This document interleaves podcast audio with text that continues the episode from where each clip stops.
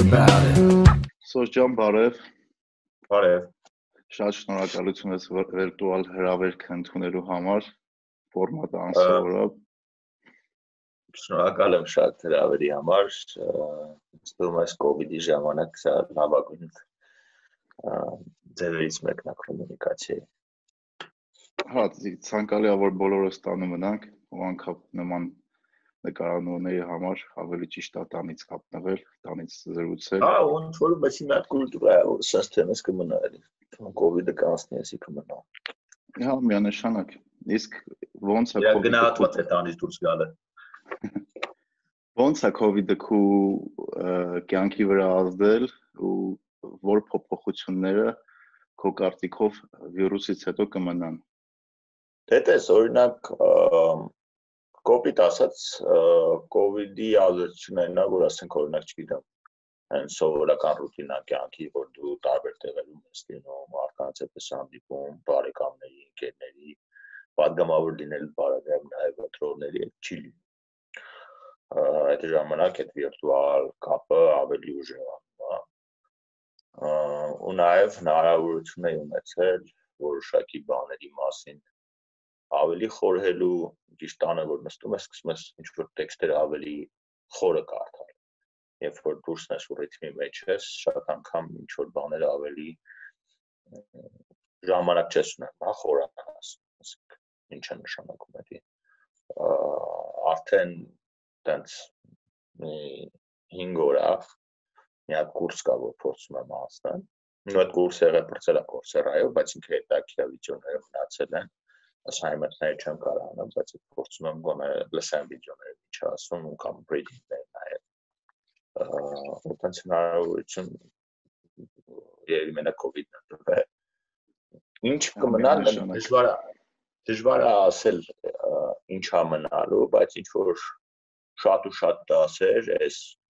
ճգնաժամից կարելի է ընդունել, հասկանալ ա, նախ որ աշխարհը շատ կապակցված է երկրորդ որ նույնիսկ այդ կապակցության բարակայում պետությունները նախ եւ առաջ իրենց քաղաքացիների մասին են հոգում, այսինքն այնտեղ այդ ընդհանուր լիբերալ դիսկուրսը, որ արկա էր աշխարհում, ինձ թվում է որոշակի մարտահրավերներ դրանք լինեն։ Ես հակված չեմ, որ մարդիկ ասում են ամեն ինչ սա կփոխի բանն, ես միշտ կարծում եմ, որ փոփոխությունները շատ ավելի դանդաղ են կամ արագ են, բայց պատմականության մեջ իրանց այդ պահին ապրող մարդիկ չեն կարող ընկալել։ Մի հետաքրիր բան, որ իմ համար ֆիքսել է, դա էր որ փորձ է արվում հիմա կրթությունը on-line դերույթ տանել։ Ինչքանով է հաջողվում չգիտեմ, բայց կրթական process-ը տարբեր gadget-ների միջոցով այսպես ասած շարունակվում, բայց օրինակ կտեղից դաս քաղելու ունենք, որ կարելի է իրապես լավ on-line կուրսեր մշակել Հայաստանում ու իրականում այդ պրակտիկան շարունակել։ Հա, COVID-ից հետո էլ կարելի է օրինակ ունենալ մի շաբաթ տարվա մեջ, որտեղ իրապես բոլորս օրինակ ֆիքս ենք, որ դպրոցից մինչև համասարան ասում ենք on-line դիրույթի եւ on-line կուրսեր ունենանք, որովհետեւ այդ շատ կարեւոր է նաեւ ապագայի համար, որ մարդը վերջացնում է ուսումնական process-ը, որ ինչ որ հաստատությունում է անցել, հնարավորություն ունենա այդ կուրսերին օգտվել կամ չգիտեմ լինում է որ դու մի մասնագիտության մեջ ես խորանում, քեզ մեկ էլ հետաքրքիր դառնում մեկ ուրիշ բան, որտեղ շատ միշտ դիսցիպլինար բաներ կան։ Ու ինձ թվում է այս COVID-ի այսպես ասած անմեցքներից եւ օրինակներից մեկը հենց այդ է հատկապես Հայաստանի պարագայում պետք է կարողանալ ունենալ համակարգեր, որը թույլ կտա անմիջապես անցնել, ասենք, չգիտեմ,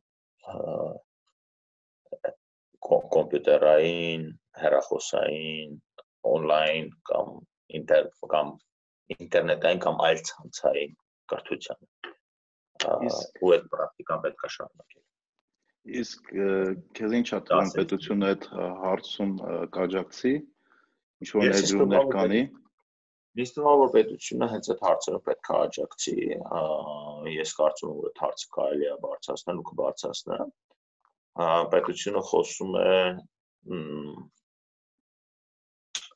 այսպես ասած ենթակառուցվածքների մեջ լուրջ ներդրումներ անելու։ Այդ միշտ եղել է հեղափոխությունից վետիդյան եղել է,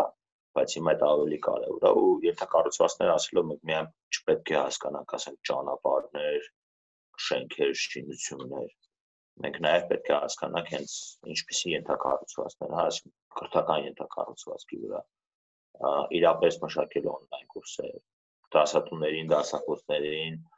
աջակցել ֆինանսապես, որպեսզի կարողանան գրեն այդ ծրագրերը աշակերտների հետ խոսալ, ուսանողների հետ խոսալ, նայել այդ միջազգային փորձը, որտեղ կա օրինակ, չգիտեմ, նույն այդ Coursera-ի կուրսերը, այնց դժվար չեն։ Իրականում եթե դու կարողանաս լավ մշակված համակարգ ունենալ, կարողանաս այդ դասախոսություններն ու դասերը հասանելի սարքես շատերի համար։ Ու այդ շատ մեծ օգտակարություն կունենա, որովհետև Հայաստանում ցավոք սրտի ամեն ինչը շատ ցիկլիկային ադետված, ասենք, չգիտեմ, սովորեցիր բրծար, բրծար, այսինքն էլ էլ պետք չի սովորել Այդ շատ դուրս խնդիր է։ Որտեւ իրականության մեջ դու միջով կյանքի վերջ սովորում, սովորի գիտակցությունը պետք է ունենաս։ Իսկ ոնց կարանք այդ իդեաները մաքսիմում շատ փոխանցենք հասարակությանը, որ կրթությունը երբեք չպետք է կանգնի քո մոտ, ասինքն եթե դու համապսան վերջացրեցիր, դա չի նշանակում դու որ արդեն պատրաստված պրոֆեսիոնալ ես, կադր ես, որը կարողանա ցանկացած աշխատանք գտնել աշխատաշուկայում, այլ անընդհատ սովորել նոր բաներ, ադապտացվել նոր իրականությանը։ Կան բաներ, որոնք դու հասարակությանը փոխանցում ես մեսեջի տեսքով կամ բաներ, որոնք հասարակությունը իրականության հետ բախվելով է սովորում։ Իմ մոտ էլ դեպի կարծիք ինչ որ ժամանակ որ ինչ պետք է սովորել եք բայց այդ շատ կարճ է տևել, որովհետև հետո իրականության մեջ դու տեսնում ես, որ շատ ու շատ բաներ չգիտես։ Ընդ որում կրթության բարակայում այդ հարցը համարյա միշտ մեջ է, էլի, այսինքն նորմալ կրթությունը քեզ թույլ չի տա երբեք կորոզանաս ու այդ միանգամից սկսում ես իրականության հետ բախվել։ Հիմա հասարակությանը աշխատելու համար շատ կարևոր է օրինակները։ Մարդը պիտի վստահ լինի, որ ամեն մի բան սովորելիս իա մի, այսպես ասած, ինքը մի հավելյալ արժեք է ստեղծում, որը կարողանում է իրականացնել եւ իրան օգուտ կա, քյար կա։ Քյարերը տարբեր են։ Շատ անգամ ենք ֆինանսական մտածում, տարբեր անգամներ դա նաեւ այսպես ասած ճանաչելիությունն է, հարգվածությունն է,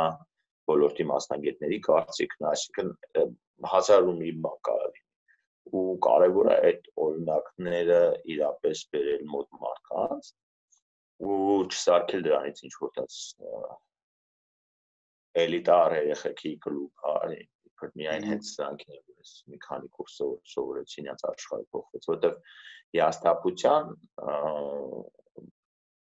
process-ը շատ ավելի դժվար է կոնտրոլ անել։ Հա դու կարաս մարդու միշտ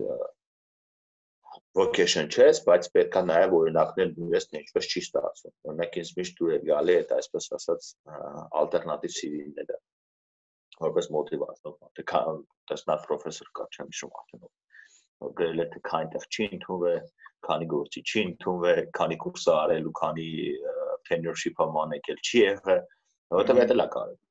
այսինքն մարդուն մեսեջինգի մեջ մենք չպետք է խափենք, որովհետև իրականությունը մենք չենք կարող ամբողջապես կանտրոլ անել, ասենք այ անպայման դու կունենաս ես։ Բայց այն որ կրթության միջոցով լավ կրթության միջոցով նոր կրթությունը նորոգելու միջոցով հնարավոր է հաջողության հասնել, այդտեղ ես քիչ կարկած ունեմ։ Երկարաժամկետակույց է խնդիրը դրված, բայց հաստատ մարդը կարողանում է ավելի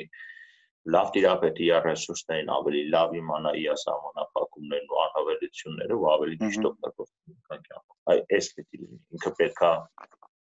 որպես ուղերձ լինի ավելի միջինացված երևույթ։ Չլինի որ օ եթե դու այս մի բանը սովորել ես վերջ աշխարհը բացում է քո առջև եւ երկրորդ ծայրեղությունը չի կարելի որ դե ինչ ուզում ես սովորի, ասենք, չգիտեմ, կարևորը հետդ մեկը լինի մեջքիդ մարդու։ Այսպես որպես վատ նարատիվներ լինել է Հայաստանում ու էդի խնդրեմը։ Իսկն այս երկուսի մեջտեղում մի բան է պետք է որ մարդը հասկանա, որ ես էս սովորեցի, այս կյանքում փորձարկեցի, հետո սովորացի ինչա սովորացը դա ամեն դեպքում տեսություն է, ինչքան էլ տարբեր առկար է կոչվում կերարություն, տեսություն է։ Արեցիր չեղավ, բայց դու այնքան տեսական գիտելիք եւ այնքան պրակտիկ փորձ պետք է ունենաս, որ կարողանաս ռեֆլեքսիա անես ու ասես լավ որ դրան փոխում ինչ որ մի բան։ Ստեղ ինչն է պակասում։ Ու այդ թույլ կտա որ մարդը կարողանա իրապես հնարավորությունները գնահատի հաջողության հասնել ինքդ քեզ անալիզ անես, ինքդ քեզ հասկանաս, որտեղ դու քեզ անալիզ անես, որտեղ ասենք, չգիտեմ, ես շատ եմ տեսել մարդիկ, ովքեր վստահաբար կարծել են, որ լավ կրթություն եմ ստացել, աշխարհի ինձ բարքա, երկին ինձ բարքա, ես մեկին բարքա, ես ես ստանամ, բայց հետո տեսել եմ, որ դա չի լինում։ Բայց հետաքրքիր է, որ հենց դու ես այդ կարծիքը ասում, այն մարդը, որը ավարտել է Օքսֆորդ։ Հա, նու այդ Օքսֆորդը ավարտելուց հետո երբ որ ես եկա Հայաստան, շուրջ 1 տարի ես մի կար մի եվրոպական ուսումնասիրությունների կենտրոն կա համասարանում։ Ես այնտեղ եմ նաև ավարտել, ես այնտեղ դաս էի տալի, դաս շատ չնչին գումարով։ Մոտավորապես մի 20000 դրամ էլի, գաղտնիք չի էլի դրույքները։ Նույն կերպ նաև ամերիկյանում դասախոսի օգնական էի ու էլի X գումար է ստանում, որ էլի քիչ է։ Հա կարա է մտածել, չգիտեմ։ Ոնց մի բան եմ սովորել, ինչի չկա։ Բայց հետո ես նաև հասկացա, որ դա իմ համար երբանկություն է, որովհետև շատ լավ մարդկանց հետ էի շփվում ամերիկյանում, հետաքրքիր դասախոսների կիրթ քննարկումներ էինք ունենում։ Ու ես հասկացա, որ մենակ այդ փողի մասը չի։ Իհարկե դու կարողացան ուրիշ աշխատանք գտնել, որը շատ ավելի լավ էր վարձատրվում բացահասարակության հիմնադրամները Հայաստանում ու հետագայում դարձավ արգամավոր բայց ելի իմ կապը ակադեմիայի հետ ես հնարավորինս փորձում չկտրել հիմա ավելի քիչ հնարավոր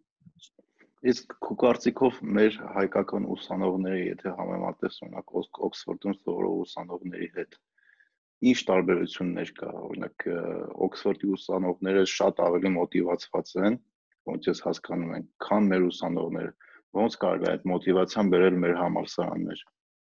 պետք է մեր կարևոր բան ֆիքսենք մեր համար էլի ես այդ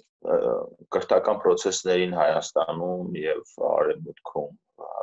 բարագայում Օքսֆորդում բավականին տեղյակ եմ ու այդ մոտիվացիան հիմնականում ուրիշ բան է սրկալի գարես էր այն, որ այդ համասարանը ռեպուտացիա ուներ։ Օրինակ մի բան, որ այնտեղ հստակ ֆիքսված էր, որ չսովորել է։ Հեչ լավ բան չէ։ Այսինքն քո ընկերների հետ կոմունիկացիան դու էլի այնտեղ տարբեր խնդիրներ կային, դասերի խնդիրներ կային, քոլեջների խնդիրներ կային, քոլեջների մեջ հիերարխիայի հին ու նոր քոլեջների մրցակցություն կար եւ այլն, բայց մի բան հաստատ է չսովորելը այդ ընդունելի չէ։ Այսինքն հետո որ այդ pub այդ մարդկանց հետ խմել, եկես ասում ինգեր օրինակ ինչի լավ չես այս բանը սովորում։ Այսինքն ուժը peer pressure կար։ Ա շատ ուժեղ peer pressure կար եւ կար նաեւ օլեգ ոչ թե կոլեկտիվ են, շատ ինդիվիդուալիստ էր, բայց նաեւ կար ընդհանուրի մոտ ճնշումը կոմոդ։ Այդ peer pressure-ը կար, որ ասում էին ախպետ ոչ չէ սովորում։ Մենք օրինակ ունենք մի հատ parse system, որը կոչվում է tutorial-ներ մի կողմ եմ դնում, որ դա շատ բարձր բարձրատրվող աշխատանք է դասախոսի գումարը, ռեսուրսը, այդ լրիվ ուրիշ թեմա է։ Բայց դա էլ է քեզ դիտում, երբ որ դու շատ ես վճարում, դու ուզում ես հնարավորինս շատ խաղաս։ Բարագայում ես չէ վճարում, չորիմնադրամ եմ վճարում, բայց կապ չունի գումարի նկատմամբ պատասխանատվություն զգում ես։ Այդ Շատ լավ կետ է, որովհետև ես ամերիկյան համալսարանն եմ ավարտել, ամերիկյան համալսարանը, եթե համեմատես MBA-ը ամերիկյան համալսարանն եմ արել, մնացած տեղական համալսարանների հետ վարձավճարի շատ մեծ տարբերություն կա։ Ու օրինակ մեր կուրսում չսովորող մարդիկ չկային։ Ամեն մեկը իր մաքսիմումով փորձում էր սովորել։ Որովհետև մյուս վարձը շատ ալնում այդ ժամանակ ինքը բանալ, բայց դրանից բացի կան օրինակներ, ասենք, չգիտեմ, նույն Գերմանիայում մեծ համակարգին շատ ծախորապես, то есть պրակտիկայով ծանոթ չեմ, բայց կան համակարգեր, որտեղ օրինակ վարձը ավելի քիչ է։ Ահա։ Սուշանողները մենակ ասենք Humboldt-ի պարագայում, մուսանողները մենակ վճարում են, չգիտեմ, ինչ որ X բաների համար, տրանսպորտ կամ գրքերի փող կամ տեսքի բան բայց ելի որ մարդը պատասխանատվություն ազգում ու պատասխանատու է մյուսների նկատմամբ ինչպես է նաև այդ peer pressure ստեղծում օրինակ ամերիկանում այդ group work-ը տալիս են եթե մեկը միանշանակ այն մյուսներին fail ան ու գցում ես դու ոնց գնի դու այդ լուրջ խնդրեմ բայց օրինակ մյուս ծերի համասան X համասան կամ ոչ այնքան հաջող համասան երբ որ ձեզ ընդհանուր աշխատանք են տալի ասում են այն մեկը որ չեր անում այն մեկը լավ տղա է կամ լավ աղջիկ է ու այդ խնդրեմա որտեղ դու ասում ախպե լավ դու այն միշտերը անելես գնահատականը կստանա օքսֆորդը բաները համադրված են այսինքն ինքը բարձր վճարվող գիտելիք է բայց նաև այդ peer pressure-ը ընդհանուր ակադեմիկ work-ին որ պետքա դու պատրաստ լինես ու դրանով են քեզ չափում որպես մարդ այդ շատ կարևոր է որտեղ դու կարող ես շատ հարուստ չլինեի, շատ եսիմից չլինեի, բայց եթե դու գիտելիք ուներ կամ գոնե հետաքրիր էր, կամ գոնե օտար լեզու էր խոսում, կամ սպորտով էր զբաղվում, այնտեղ այդ ամեն ինչը շատ հետաքրիր մշակված է դարերի փորձ ունեցող համասարանը ասենք օրինակ Սանտ Պետրոում, Սուրբ Պետրոսի այսպես ասած քոլեջում կապ չունի դու ինչ ես սովորում, այնտեղ հիմնականում երաշտական թեկում ունեցող երեխեքն են ամեն մեկը մի բանից հետաքրքիր ձևով լավն էր ու դա շատ կարևոր է որովհետև երբ որ դու արդանում ես մի հատ քաղաքում որտեղ լեգալ է սովորելը այդ Հայաստանում մի շատ վատ հարց կա ես ասում որ ասում ես ուսանող եմ կամ ասում ես դասախոս եմ մարդը մի անգամից ասում է բա ուրիշ ինչ ես անում այսինքն սրանք full ստատուսներ չեն Հայաստանում ու որովհետև Հայաստանի համալսարանների մեծամասնություն մեծամասնությունը շատ վատ է վճարվում դասախոսի աշխատանքը։ Հա։ Դասախոսի աշխատանքն է շատ վատ վճարվում։ Կրթական որակը եւ կրթության գրքերի թարմացածությունն է շատ ցածր մակարդակի։ Պահանջներն են ուրիշ։ Դիսցիպլինար համակարգերի նկատմամբ հավատներն են ուրիշ օրինակ բերեմ հասարակագիտության մեջ ու քաղաքագիտության մեջ Հայաստանի Նո, ԵՊՀ-ի եմ խոսում։ Հիմնականում ասում են ինչ-որ ռեալիստ տեսություններ, որոնք գալիս են տենց 2000-ականների գիրքը ամենաթարմ գիրքը կլինի։ Հիմա սա խնդիր է, որովհետև գոյություն ունի հազար ու մի կոնա նեոռեալիստներ գոյություն ունեն, լիբերալներ գոյություն ունեն, նեոլիբերալներ գոյություն ունեն, կոնստրուկտիվիզմի դպրոցը կա, նեոկոնսերտ կոնստրուկտիվիզմի դպրոցը կա, մարքս մարքսիստական դպրոց կա, նեոմարքսիստական դպրոց կա, սոցիալական տեսություններ կան։ Այսինքն խնդիրը այնտեղ ոչ թե ինչ որ գիտելիքի իդեալոգիզացված ձևով մեկ մի ուղությամբ տալն է, այլ տարբեր դպրոցներ ասել որ ուսանող ուսումնասիրի ինքը ընտրի։ Ես չեմ ասում դա իդեալոգիա չկա, բայց այնտեղ շատ ավելի քիչ է դա, քան օրինակ մեր մոտ քաղաքագիտության կուրսերը եթե դու վերցնես մեր համալսարանի հիմնականում կնկատես որ ասենք չգիտեմ երեխեքը գրում են Հայաստանից դուրս թեմաների մասին շատ քիչ են հիմա նոր սկսվում է հայկական քաղաքական իրականությունները ուսումնասիրել իսկ ինչի կարող է միջև այդ հետաքրքիր չէ հայկական ոչ որովհետև միջև այդ միջև այդ որովհետև հայկական թեմաների նկատմամբ կար տաբուներ ինչ էիր գրելու հետազոտության ինչ արդյունք էր ստանալու ինչ էր հետազոտելու կամ պատմականության մեջ է նայում հին պատմությունը հնարավորինս հին որովհետեւ ես մեր օրերի հետ կապված չլինի կամ նայում էին դուրս դուրս թեմա օրինակ որպես կանոն գրում է Ղարաբաղյան հակամարտության մասին որ շատ լավ շատ ողջունելի է բայց իրապես այնտեղ շատ ու շատ ուրիշ կարևոր հարցեր կան որոնք չեն ուսումնասիրվում կամ ցեղասպանության մասին ենք երկու թեմաներն էլ կարևոր են Հայաստանի իրականության համար, բայց ռեֆլեքսիայի մաս համայա չունեն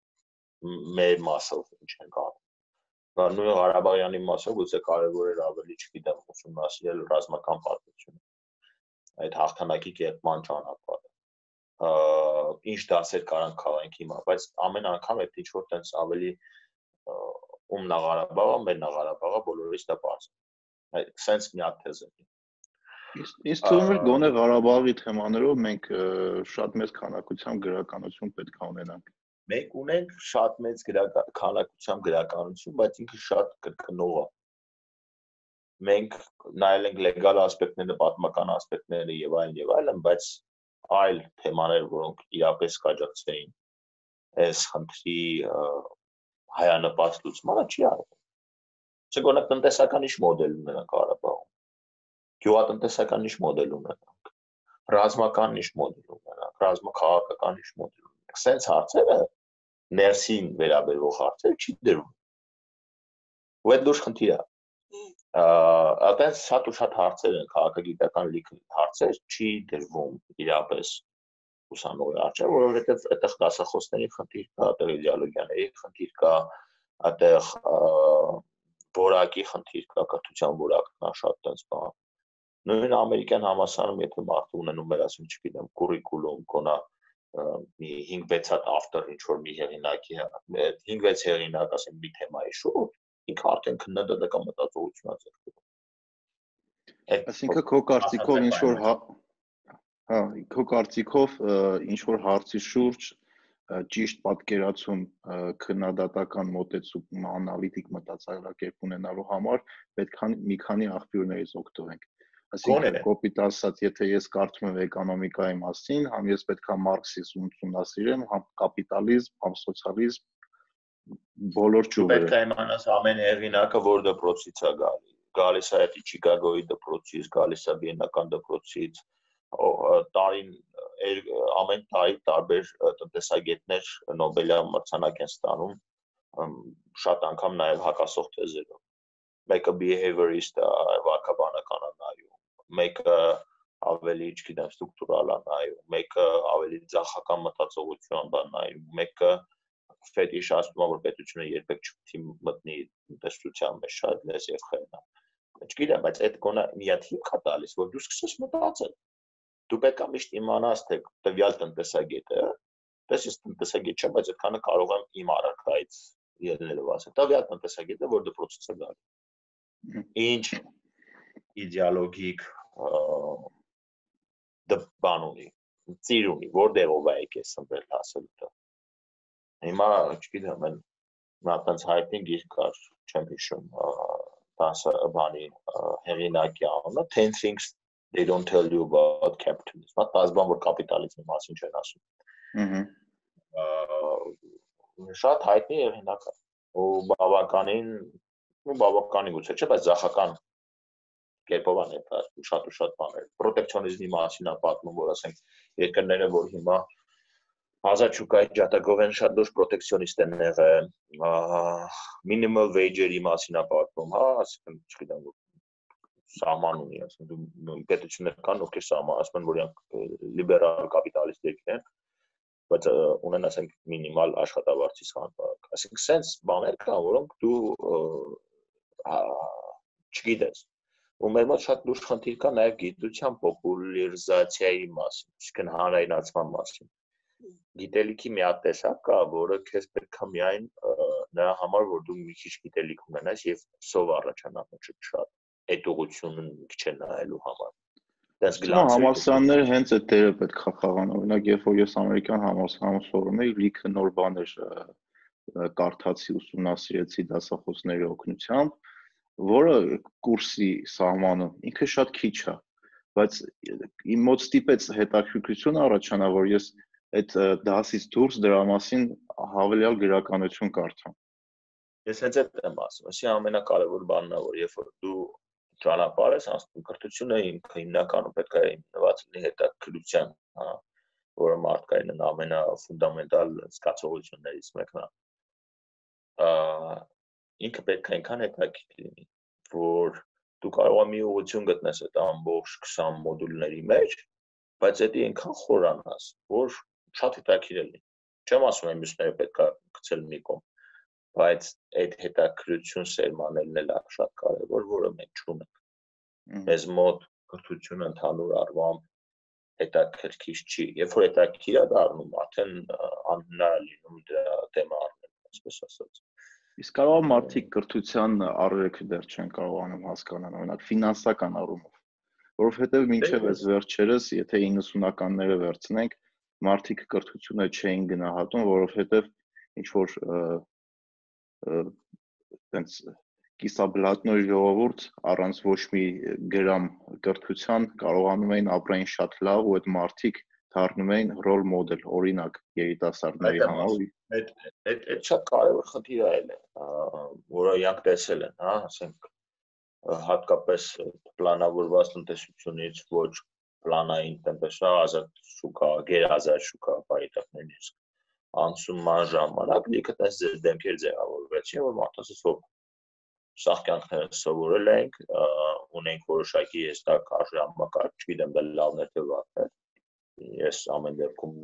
մեծ ժատակը ոչ եմ սովետական փորձի, բայց ամեն դեպքում ունեն արժանապատվակ, չգիտեմ, բժիշկը, ուսուցիչը, եզրակացի եւ այլն։ Դե մեկ էլ տենում են, ասում չգիտեմ, ինչ որ մեկը դառնում է x1։ Բայց այդ պրիմիտիվ կապիտալի ակումուլյացիա բոլոր պետությունների, որոնք նոր են սկսում, հա, անկախություն են դեպքում բոլոր պետություններն իրում։ Դրա մասին, ասենք, ես հետագայում հասկացա, երբ որ սկսեցի կարդալ Չարլզ Թիլի ոնց է պետությունը ստեղծվում, ինչպես է ձևավորվում այդ ժողովուրդը։ Բայց նույնիսկ այդ խավը, եթե մենք ուշադիր նայենք, ինքը կարող է ավելի ռիսկի գնացող, ավելի կիսաբլատնոյ եւ անօրինականության մեջ հիմնականում խարխափող մարդիկ են եղել։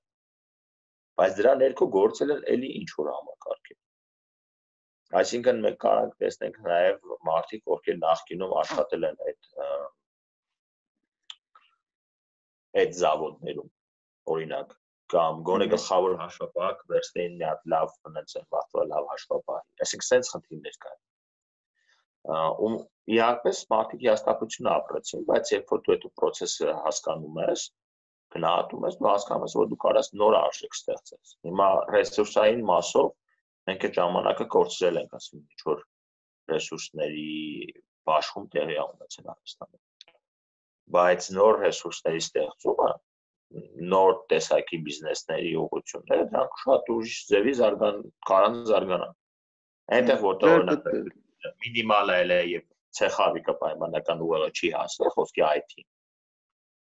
Սկսել է աճել։ Որտե դրսի կապիտալի ներգրավումը էլ է, գիտելիք եղել հետը ու այս խնդիրները օգնել են որ մարդը կարողանա այլ կերպ դիտարկի սիտուացիաները։ Ու այդ շատ կարևոր կետ է, հա,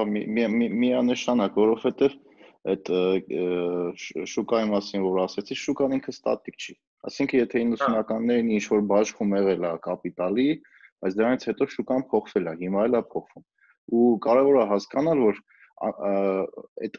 աճը ցանկացած մարդ, ով որ ինչ որ իդեա ունի, պոտենցիալ ունի, ինքը կարա կապիտալ ներգրավի, որովհետև շուկաները անընդհատ աճում են։ Այսինքն 90-ականների մեր հնան, եթե վերցնենք ու հիմա վերցնենք, միանշանակ տարբեր է ու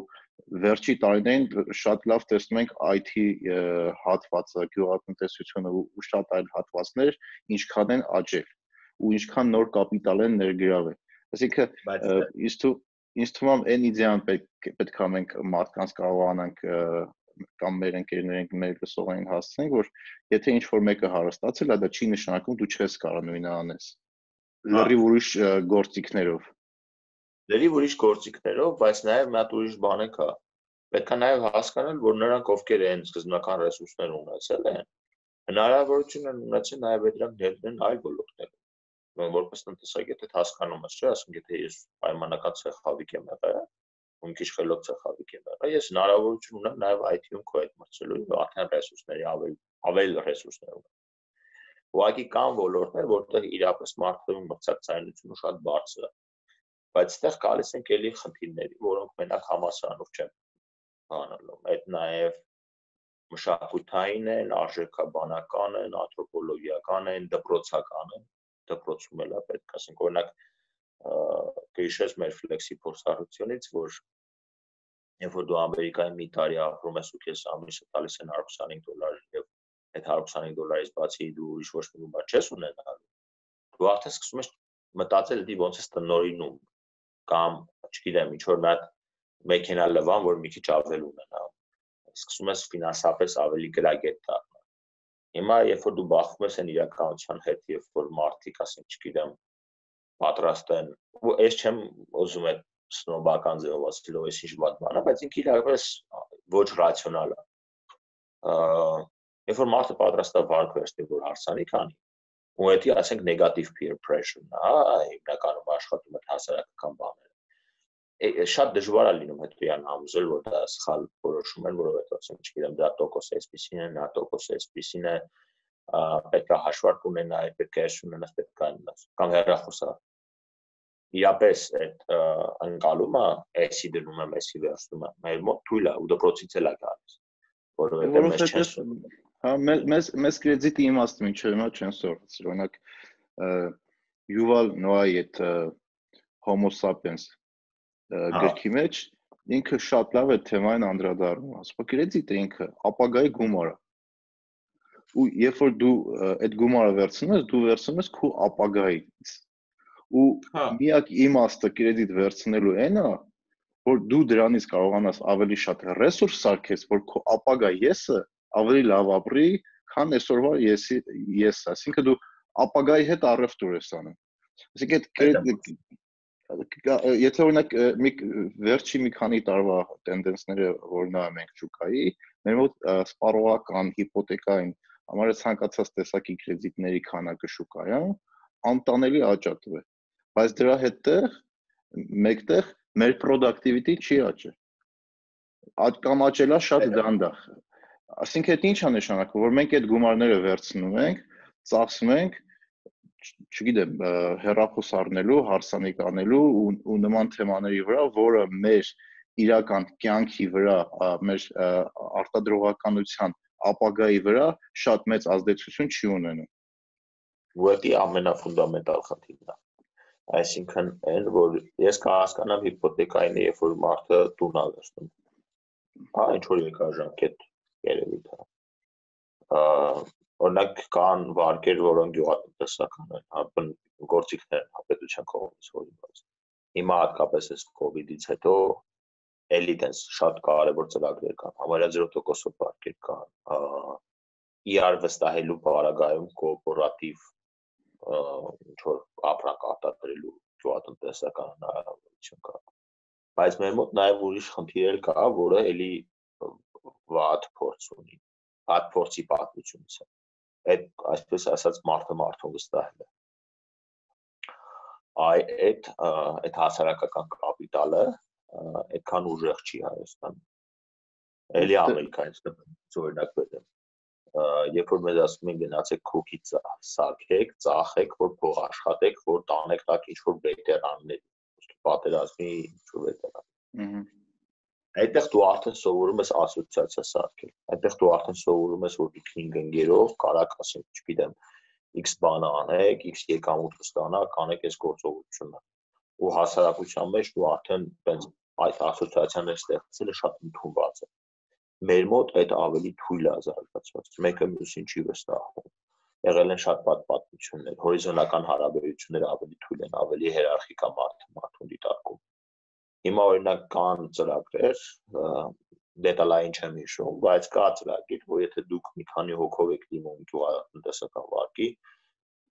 արտակարգ լավ պայմաններ ունեցան 0%-ով այնտեղ պետության գարանտիա կա, այս կա, այն կա բայց կա նաև ասենք պահանջներ, որ դու օրինակ ինչ որ կուրս անցած ես կամ գնաս օրինակ կուրս անցնես ինստիտուտում, ինչ որ մի բան սովորես, իրապես հասկանաս ինչ ես ցանում։ Կա անգլերեն ասած path dependency շատ անգամ գործողությունների մեջ այդ կրկնելը այդ այդ գործողության նկատմամբ անընդհատ նույն անելը ցանկատեսակներ կան որոնք մեկը իրենք օկտավետ չեն օրինակ պետությունը շատ փող է ծախսում ջրի վրա ջրի մեջ շատ սուբսիդիա անում բայց այդ գումարը հնարավոր կլիներ ավելի քիչ անել եթե օրինակ ուրիշ բաներ ցանվեին եւ ուրիշ շուկաներ դուրս գար մարդը բայց դրա համար իրան գիտելիք է պետք վստահություն է պետք այդ քյոհնաձևից փոխվելա պետք փորձալ ու ծավալա պետք նու կարան լինեն ասենք բաներ որոնք ծավալային չեն ասենք չեմ իմանում ես լավ չեմ պատկերացնում բայց ինձ ասել են մշակաբույսեր որոնք օրինակ թանկ են ինքնիանով ես հիշում եմ երբ որ բրոկոլին էր Հայաստանում դա կլիներ մոտավորապես մի 3-4 տարի առաջ դες պոպուլյար չէր հետո դարձավ պոպուլյար տեսանք որ ես սուպերմարկետներ սկսեցին բրոկոլին սովորական բան դառնալ ու դու ասում ես բայց ու երբ որ մարդիկ սկսում են ասում են անհնար է ով Հայաստան բրոկոլի նույն GG պատմությունը կամ ռուկլա Հա, կամ մենք հոկտեմբերյան ես մի փոքր հողատարակ սկուտեմ, որտեղ Ծիրանի այգի ենք հիմնել։ Այնտեղ գյուղացիների հետ որ շփվում ենք, ես նրանց օգնում եմ իրանք ամերիկայից նոր սերմեր ներմուծեն ու փորձեն։ Այդ ռուկլայի պատմությունը շատ խնդալ էր։ Ուրեմն նոր է սկսել ռուկլան Հայաստանում, այնց մոդա մոդա մտնել sense ասել որոշ ռեստորաններում արդեն տալիս էին ռուկլայով պիցցաներ ու նման տարբեր ուտեստներ բայց սուպերմարկետներում դեռ չկար այդ ընկերներից մեկի հետ որ դիում ծանոթացնենք ասում եմ եք արի ռուկլա աճացնենք էլի ռուկլան միանշանակ լավ արդյունք է տալու սկզբում մի առաջի պատասխանը նեգատիվ է չէ հետո պետք է ուտի բայց բան արեցինք, փորձեցինք, ստացվեց, լավ է աճեց, հագինը համով էր։ Ու մյուս խնդիրը, որ դու նշեցիր, օրինակ, էլի գյուղատնտես ընկերներիս հետ որ խոսում եմ, նրանք ասում են մենք շատ անգամ չենք կարողանում մեր արտադրանքը արտահանենք, որովհետև լեզու չենք գտնում մնացած արտադրողները, որ արտադրում են նույն տեսակի ապրանքը, որ մենք միասին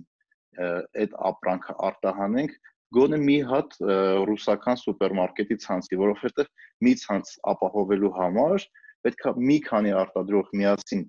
կարողանան համագործակցեն, որ բավարար քանակությունը տրամադրեն, որ կարողանան սպասարկեն մի հատ ցանցի։ Այդ այդ եմ ասում, ես օրինակ պես էլի եմ ասում, ես տնտեսագետ չեմ, գյուղատնտեսությունից էլ ավելի քիչ եմ հասկանում, բայց ես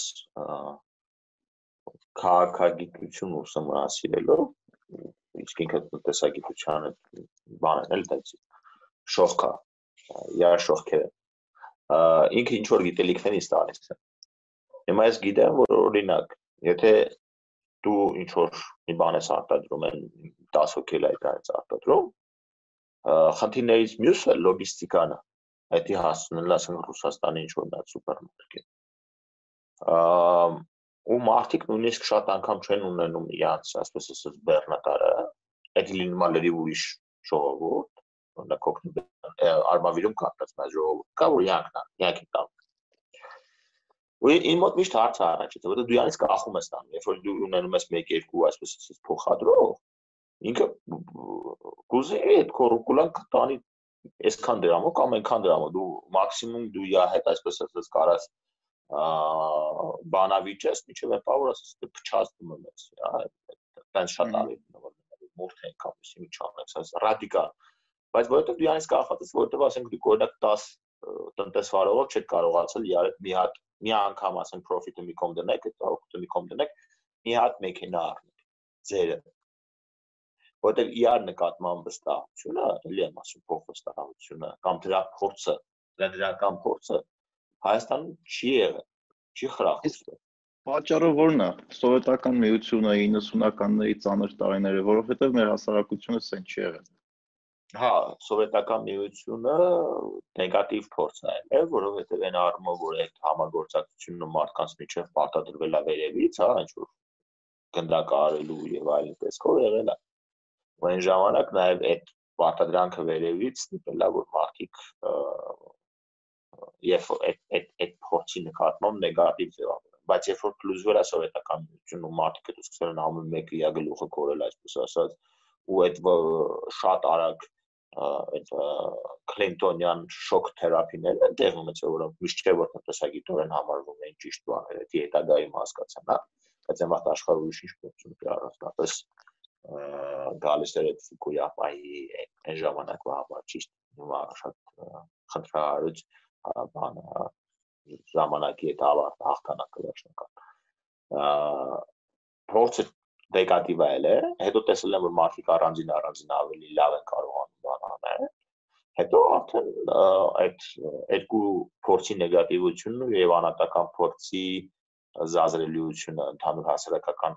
զգացողությունը որ դա անարդարայել է շատերի հարստացում այդ երկուսը սկսել է համադրվել ու շատ վատ պատկեր տալ հիմա շատ անգամ այդ մասով օրինակ հիմա ես ցտայեմ որ դու կարողացել ես համուզես այդ մարդուն ռուկոլա աճացնել որովհետեւ դու համ գիտելիք ես ունեցել համ իմացել ես իր այսպես ասած վախերի մասին համ բավականին քրտված է եղել որպեսզի ան ապագան ցույց տաս եւ բավականին բարեկիրթ է եղել որպեսզի ինքը քեզ հետ ասոցացվի շատ անգամ խնդրեմը է նա որ մարդիկ երբ որ դու մնաս են ախպետ դե օրինակ ես 5 հոգով երբ որ դու կեսի անեք սենց կլինի դու պետք է մարդը քեզ հետ ասոցացվի ինքը ես միշտ ասում եմ որ լավ ուսումը նաեւ հիբրիդայնությունը դա ավելացնում այսինքն ես տարբեր ինքնություններից եմ բաղկացած ես արարացի եմ որոշ առումով համասարանական է, որոշ առումով քաղաքական իմ թիմն ունե, որոշ առումով ես Օքսֆորդի շրջանավարտ եմ, մի ժամանակ դիվանագիտական դպրոցում եմ, այսինքն այդ ինքնությունների մեջ ֆլեքս եմ եղել։ Այսինքն այդ ինքնություններից մեջ եմ ես խոսում։ Երբ որ ես մարդուն գյուղացուն ասեմ, այ գիտես ինչ, որովհետև համաշխարհային փորձը հուշում է, որ երբ որ դու խոշորացված տնտեսություններ եք եւ ինքը չի հասկանում։ Շատ կարեւոր է որ ին զգա քեզ ասոցիատիվ քեզ զգա մոտ զգա որտեղ այդ սոցիալական կապիտալի վերագտումը շատ երկար process է, քրթական process է։ Նույն group work-երը հիշած կլինես, ես առաջի անգամ group work-ին բախվել եմ ԱՄՆ-ում։ Էլի եթե չի դասանում, երբ որ սովորում եմ կտա։ Իմ համար այդ աբսուրդ է։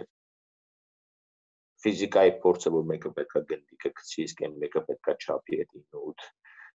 բանը գրաֆիկացիա, ասում եմ, դուք գիշ չեք ասի ես ինչ անելու բան է, ես արել բրցել է գալի է ժամանակ ստացել է այդ որն է իմաստը։ Իմ մոդել էր առաջի group work-ը Ամերիկայում շոկ։ Հա, որտեղ բանը նախ առաջի շոկն էր որ դպրոցում կար մարքեթինգի դաս, ու ես վերցել էի մարքեթինգի դասը ու առաջի բանը որ մենք դասանում արեցինք շատ հետաքրքիր է դասախոսը sense կլոր մեզ նստացրեց սեղանի շուրջ ու ասեց ամեն մեկը մի հատ բառ եք ասում հաջորդ ուսանողը թիմակիցը ուրիշ բառ ասում ու ու, այդ բառերը ասելու վրայով դուք պետք է կարողանաք ընդհանուր էսեյ ստանաք, շարադրություն ստանաք։ Այսինքն ինչ էր դա ասի իմաստը, որ եթե ես մի բան ասում եմ, իմ թիմակիցը լսի ես ինչ եմ ասում, ինքը դրա վրա ինչ-որ մի բան ավելացնի, հետո հաջորդը լսի մենք ինչ ենք ասել, էլի մի կտոր ավելացնի, որ ոչ թե абսուրդային ինչ-որ բառերի կույտ լինի, այլ իրար փոխկապակցված բառեր լինեն, որ մենք խմբով կարողանանք ինչ-որ արդյունք տանք։ Հիմա ինքը քեզ սովորացնում համագործակցելը, որը ամենա կարևոր բաներից մեկն է աշխարհում։ Մենք այդ դպրոցում չենք ասում մեր դպրոցի մոդելը դու գիտես։ Գոնե ժամանակվանը, որ ես հիշում եմ, դա բավականին անցած է, բայց չեմ կարծում շատ է փոխվել։ Պրոբլեմատիկ էր։ Կային գերազանցիկներ, որոնք պետք է դեմը նստեին, որովհետև այդպես հարմար էր։ Դասատուին էր հարմար։ Եվ կային այսպես ասած գրանցված ցույցեր, որոնք պետք է հետևեն։ այդ շատ մեծ խնդիր որովհետև չկար այդ բանը, որ ասեն կարող է մարդը ստեղից գա հասնի ստեղ կամ առաջինը վերջինը դառնա, վերջինը առաջինը, այդ քրիստոնեական թեզ չկար այդպես։ Եվ համագործակցություն չկար։ Հիմա կարծում եմ թիմային աշխատանքների բանը մտցնում են դպրոցներում, բայց այդ դրա մասին պետք է շատ լուրջ մտածի, որովհետև այդ որ սովորում են, երբ որ դու դպրոցում սովորում ես, որ ասենք մի քանի 15 երեխով նա տեսեք գրեք կամ մեկը մի բառ ասելով, լսելով, հա, ստիպումա չէ քեզի նախորդի չէ դատես այնպես բառ ասես, որ հանկարծ այն մյուսը կարողանա շարունակին, այդ եշություն չասես, որ լրվի դրա վրա ասի, ես ինչ ասի։ Այսինքն այս փորձը որ դու ունենում ես, դրանից հետո ասեք օրինակ ինչ որ գյուղատնտեսական վարկ մի քանի մարդկանցով մի քիչ լավ ուսումնասիրելով շուկաբան հնարավոր է։ Մեր մոտ օրինակ փոխօգնությունն ու ամերաշխությունը կամ բանը միշտ քրիտիկական պահերին է։ Դանակը հասնում է ոսկորին գնաց էս անենք, էս անենք, էս մեկը էս մեկին զանգենք, կողի ինչ պետքա կանեն, ջիգարը կտան։ Դա շատ լավ բան է Էդի արտակարգ ժողովրդական բան է, բայց էդի Էդի եթե դու դա դրա ֆունդամենտները չունես, փորձառությունները չունես, կարգավորման ձևերը չունես, հանրային մոբիլիզացիայի տեղերը չունես, շատ վտանգավոր է քարակտառը։ Դե մենք էլ փորձ ունենք իրականում։ Հա, այսինքն հերիքա դու ասես, ասենք։ Դժվար պահերին միանգամից ողջ ազգով համախմբվում ենք։ Հա, այդ այդ կա, որպես կանոն կա, ու այդ շատ լավ բան է, ու շատ արհավիք է, այսպես անելը դրա հետ մեկտեղ կան մարդիկ, ովքեր գլուխ են պահում, կամ մարդիկ, որ աչք են հավաքում, բայց դրանք ստեղ միան։ Բայց այդ դրա իրապես փորձառությունը պետք է դպրոցից սկսվի, դպրոցից մարդին։ Իսկ քո փորձը դպրոցում ո՞նց ա եղել։ Դու Արարատում ես, չէ՞ սովորել։ Հա։ Ու ո՞նց ստացվեց, որ Արարատից փոքր քաղաքից կարողացար նենց քայլեր ձեռնարկեց, որ հասնես մինչև Օքսֆորդ, հետո ունենաս շատ լավ կարիերա, հետո այդ կարիերան թողեցիր դառար քաղաքական գործիչ։ Շատ բարձ։ Արարատում իմ միակ ֆունդամենտալ երևի թե հարաբերություններից մեկը է, նա դա ընտանիքի պատմություն։ Տատս խորթային միության սոցիալիստական աշխատանքի հերոսը շատ հայտնի դասատու հայոց լեզվի գրականություն։ Մայրս այդ դպրոցը, որտեղ ես եմ սովորել, այդտեղի հայոց պատմության դասություններ ու էլի շատ լավ դասատու։ Ու արդեն տանը հայրս կիբերնետիկ էր, ինքը շատ հետաքրքիր մարդ է։ Ու այդ դպրոց այդ այդ ընտանիքով սկսում եք այդ խոսակցությունը դու մի քիչ ուրիշ կասետներ ես լսում, չգիտեմ, Beatles-ն ու Eagles-ը, դու կարդում ես մի քիչ ուրիշ գրքեր, այն նրանք ինչ որ կարդար ասեն քո գիրովականցի ինգերը, քեզ էլ են մայն ռիդով խափում, արկածային գրականությամբ գերցնում, հետո սկսում ես ուրիշ լիք ուրիշ բաներ կարդալ ու արդեն ձևավորվում ես դու մի քիչ ուրիշ հայաթում ես էլ եմ ֆուտբոլ խաղացել, բայց ասին կարող է 3 թայլից մեկը խաղալ։ Թայլը պայմանական միջև 10 գոլներ էլի մեր մոտ 11-ներ։ Հա, ական ոսկե գտնակ։ Ու այդ դրան այդ կոդերը, երբ որ լինում են, կոդեր ասելով ասիկն այդ բանը ընտանիքի պահանջները մոտավորապես դպրոց ու շատ լավ դպրոց էր մերը, որովհետեւ օրինակ մեր այն ժամանակ կոչվում էր թարգմանչած վարժարան, էքսպերիմենտալ մարդիկ են 90-ականներն երբ որ չկար կենտրոնացված քրթական համակարգի ինչ-ինչ պահանջներ եւ չափորոշիչներ չկար մերոնք օրինակ այն ժամանակ ֆայմել են ունենալ հումանիտար եւ բնագիտական հոսքեր հիմա ավաղ այդ պատմությունը դպրոցից շարունակվեց ինքը դարձավ սովորական երրորդ հիմնական դպրոցը որտեղ ավակ եւ բան դպրոցներ առաջացան չէ հիմնական դպրոցներ առաջացան բայց այն ժամանակ մենք օրինակ ունեինք բնագիտական ու հումանիտար խոսքը։ Այդ մենք խոսում ենք 97 այն ինչ որ հետագայում տենց արդեն նոր դպրոցները, այբերը եւ այլն եւ այլն տենց վարժանները, քվանտները եւ այլն տենց բերեցին, ասում տեսեք sense։ Իհարկե են ունեցել, բայց Արարատում է կար։ Կար բնագիտական եւ հումանիտար հոսք։ Անգլերեն օրինակ դասավանդում էր, ես մի անգամ հարցրեցի մի շատ լավ Արարատում, որը իրապես շատ լավ էին սովորացնում։ Եվ բայց նաև ունի, ասենք, Փիսկորի վալանտյոր Քեյթը Չիկագոյից, ինչեւ նա հիշում Քեյթին։ Իան բերել է, դա սովորացնում էր մեզի անգլերեն։ Մի օր ես հարցրեցի մամային, ասեցի, ինչի է մեզի Քեյթը դա ստալիս, ասես դե միանից լավ անգլերենով տիմանա։ Հիմա լավ պատասխան էր։ Հա, ասենք երեխեքով կարող մենք ձեռ առնենք խեշքետին, ասենք մտքի սեղանի տակ, բան չենք հասկանում, իբր under table-ը չգիտենք ինչա, բայց ինքը շատ է դա։ Մենք ունենք պարսկերեն հումանիտարի ժամանակ պարսկերն էին ասում։ Որտեղ կար պարսկայքի մեկ իրականում այդ ռեսուրսները մեր երկրում մենք ունենք։ Ասենք օրինակ նույն Սիրիա հայերը երբ որ եկել էին Հայաստան, իսկ Սիրիայում արաբերեն ինչքան գիտեմ ամենամոտն այն դասական արաբերեն ասացին կարելի է ասել դիացից հրաշալի դասախոսներ պատրաստել կամ դասատուներ պատրաստել։ Նկարային կարաբերին հասնեին դպրոց։ Ես էլ եմ ասում, ես այս կողքից սպառող եմ, որպես ասում այդ ամեն ինչը։ կարող է համակարգի մեջ խնդիրներ կարող է լինի եւ այլ եւ այլ եւ այլ, բայց մենք ռեսուրս ունենք որպես այսպես ասած աշխարհասփյուր հայություն։ Դու միշտ որ մեծ մասնագետ ես կարաս չարես։ Ասենք օրինակ կարա ծրագիր լինի, որ Սփյուռքից հայերը տարբեր երկրների ինչ որ փոխանակման ծրագրով մի ամիս կամ երկու ամիս գան մեր դպրոցներ, իրանց լեզուն սովորացնեն որպես native speaker բնակ։ Ան դա արեն Zoom-ով, օրինակ, որպեսի շատ բան չլինի, այսինքն անեն կոնկրետ Skype call-ով, ու այդ մենակ դպրոցներում չի, ասենք կարող է դիվանագիտական ծառայություններն էլ, падգամավորներն էլ, լեզուներ սովորել, պետական ապարատը լեզուներ սովորել, դրսից մարդ լինի, որ երկրում հայ չկա։ Բայց շատ լավ իդեա, սոսար անպայման առաջարկի։ Երկրորդ երկրորդ բարձ իդեա։ Ես կարծում եմ, որ Flex-ի ծրագիրը ինքը ֆանտաստիկ լավ ծրագիր է։ American Exchange ծրագրերի մեջ Flex-ն եմ համարում լավագույնը։ Ոչ որովհետեւ մենակ դրան եմ մասնակցել, այլ կարծում որ ֆունդամենտալ փոփոխություն է։ Հիմա այդ Flex-ից Հայաստանում հնարավոր է անել։ Իսկ թվում է Այսինքն ոչ թե որ ես այդ համ Նեբրասկայում սովորեմ, ես գամ Կիովականում սովորեմ, դու գաս Արարատում սովորես մի քանի։ Որտեվ դա է լուրջ խնդիր։ Կամ դասատուները փոխարինեն իրար։ Հա, հետո կամ դասատուները փոխանակման ծրագիրը դասատուների մեջ է կարող շատ լավ աշխատի։ Այդ եմ ասում, այս ის շնորհակ շատ բաց բան միտքա, որ ասում որոշ տեղեր փորձարկում են, բայց ֆունդամենտալ պետական ծրագիր է պետք է, բան որ ասենք ես վերջի դասարանս գնամ սովորեմ գեղարքունիք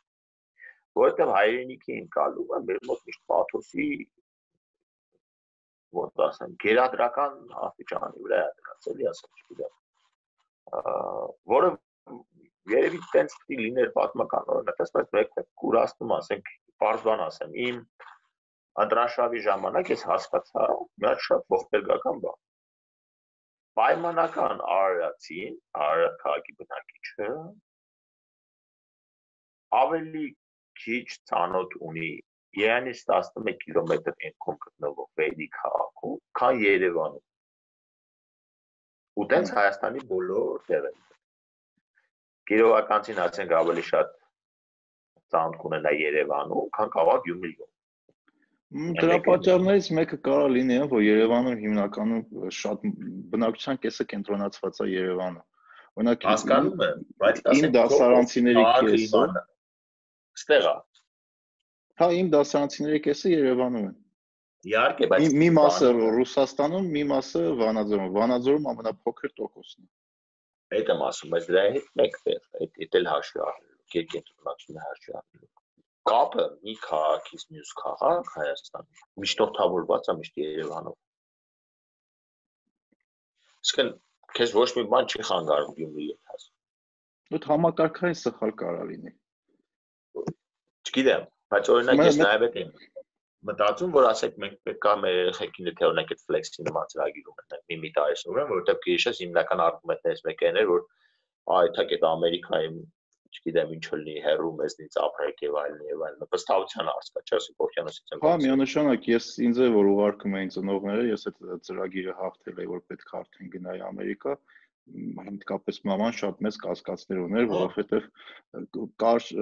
չիմացության խնդիր ինչ այդ Ամերիկան, մեր հետ ոդ ինչ կլինի այնտեղ, ինչ կսովորի։ Բայց օրինակ Հայաստանի նկատմամբ վստահությունը ավելի մեծ է, չէ՞, ասենք օրինակ հայ ընտանիքից հայ ընտանիք գնա։ Ու ծառայությունները ու կապերը ու սոցիալական հարաբերությունները իրանք ավելի կարապեզվան։ Մեր մոտ միայն բանակն է, որը ստեղծում այդ արտամանզային եւ միջպետական կապերը որպես այդպեսի։ Համաձայն եմ, որովհետև օրինակ իմ հարսանեկի խավորը իմ բանակի ընկերն է, որը Սևանցի է։ Ну, հիմա Երևանում է ապրում, բայց ինքը Սևանից է ու մենք շատ անգամ իրար հետ գնում ենք Սևան ու արդեն լիքը ընդհանուր ընկերներ ունենք Սևանից, որը ես ուժև չէի կարող ունենալ։ Էդի էդի այն հարստությունն է, որը դու ժամանակի հետ ձեռք կստել։ Այսինքն sense մտքեր կան, որոնք ես կարծում եմ, որ մենք պետք է մի հատ ռեստարտ անենք ընդհանրապես։ Մի քիչ ուրիշ է մտածենք, մի քիչ իրապես ասենք խիչ անենք օրինակ, sense մի հատ ունենք, խի, խի, տարով։ Դասում եմ քիչ լայք։ Այդ այդ խիչ անելը ես միշտ բան է, իմ կլիենտներին այդ հարցի պատասխանը տալիս եմ։ Օրինակ իմ փորձի մեջ բիզնես խորհրդատվության մեկի մարքեթինգի կլիենտների մեծամասնությունը շատ վախում են ինչ-որ մի բան նոր սկսելուց, որը կարա բերի անհաջողության ֆեյլի։ Ասում են, կարա չստացվի։ Դրա ամենապարզ պատասխանը, բայց կարա ստացվի։ Ու ու մյուս վախը, որ չստացվի, իրաց ոնց կընդունեն մարդիկ։ Ու ես իրաց բացատրում եմ, ժողովուրդ մարդկանց մեծամասնությունը ձեր չստացվելու մասին չի իմանալու, որովհետև չի ստացվել ու չի հիշելու, բայց երբ որ ձեր մոտ ստացվի, success-ը լինի, դուք ինչ-որ մի կետի հասնեք, մարդիկ դրա մասին կհիշեն, կիմանան։ Չստացվելու մասին մենք չենք խոսում, դրա մասին գրքեր չի գրվում, որ գիտեք ինչ, օրինակ Steve Jobs-ի մոտ Pixar-ի առաջի կոպիտ ասած մի քանի տարին իր մոտ չէր ստացվում։ Ոչ մեկ դրա մասին չի խոսում, բայց բոլորը խոսում են։ Իսկ նաև պետք է այդ գրքերի մասին է խոսել։ Օրինակ ես ասում եմ, հիշում եմ ինչ ժամանակ այդ այդ արշավը, այդ դասախոսի սիվին լավ հիշում եմ։ Հիմա եթե այդ գայ քոեն հարցին ոնց է սա արել, սկնում օքսֆորդ ասենք չգիտեմ, շատ ու շատ բայեր իմ կյանքում այնպես չի ստացել ոնց որ ես եմ ուզում։ Երբ որ ես ֆլեքսից հետո եկել, ես ուզում եի ավելի տես միջազգային հարաբերություններ, իրավաբանական բան ստեղծել։ Մամասը պատմությանս ասացում էր, ասես դու այդ 4-ը գիրք, 4-ը գիրքը լավ չգիտես, դու չես կարա պատմության քննությունը։ Ու պրոստը ինքը շատ անկեսնում է, ասես։ Դες դիքի։ Պետք է ասենք որոշեցի որ լեզուներ եմ ուզում սովորեմ, այդ ժամանակ Մարկես էի կարդում, ասի դու իսպաներենը բավարար լավ կլինի, գնացի իսպաներենը դրեցի ռոմանոյի։ Բայց ասենք դրանից ես քաղաքագիտության կամ միջազգային հարաբերությունների նկատմամբ իմ հետաքրքրությունը երբեք չի նվազել։ Ես դիվանագիտական դպրոցում էի սովորում, երբ որ Օքսֆորդից առաջարկ եկավ, ու դա մեծ ընտրությունների կյանքում ես ուզում եմ գնամ Օքսֆորդում սովորել, թե շարունակեմ դիվանագետ դառնալս սենց խնդիրներ են եղել ու շատ ու շատ անգամ failure-ներ են եղել ու շատ ու շատ անգամ չի ստացվել ինչ որ բան ու շատ բայց մի ֆունդամենտ ես ունեմ application-ներ չգիտեմ Չիկագոյի համալսարան էի դիմել մի ժամանակ որտեղ ուզում էի իրոք ուզում էի իսպանագիտությամբ խորանալ այնտեղ շատ լավ դպրոց կա բայց չեղավ այդ չեղավ չեղավ մի հատ հետ քայլ ես անում մի հատ նայում ես իսկ ինչ ա լինում որոնք են ստացվում ու սկսում ես դրա մեջ խորանալ։ Հիմա օրինակ ինձ ավելի շատ քաղաքական փիլիսոփայությունն է հետաքրքրում։ Այդ ասես ասած տարբեր փիլիսոփաները իրանց մտածողությունը, դպրոցները եւ այլն, քան հենց բուն քաղաքագիտությունը։ Հիմա դրա կիրառական ոչ մի նշանակություն չկա փիլիսոփայության, political philosophy ասացի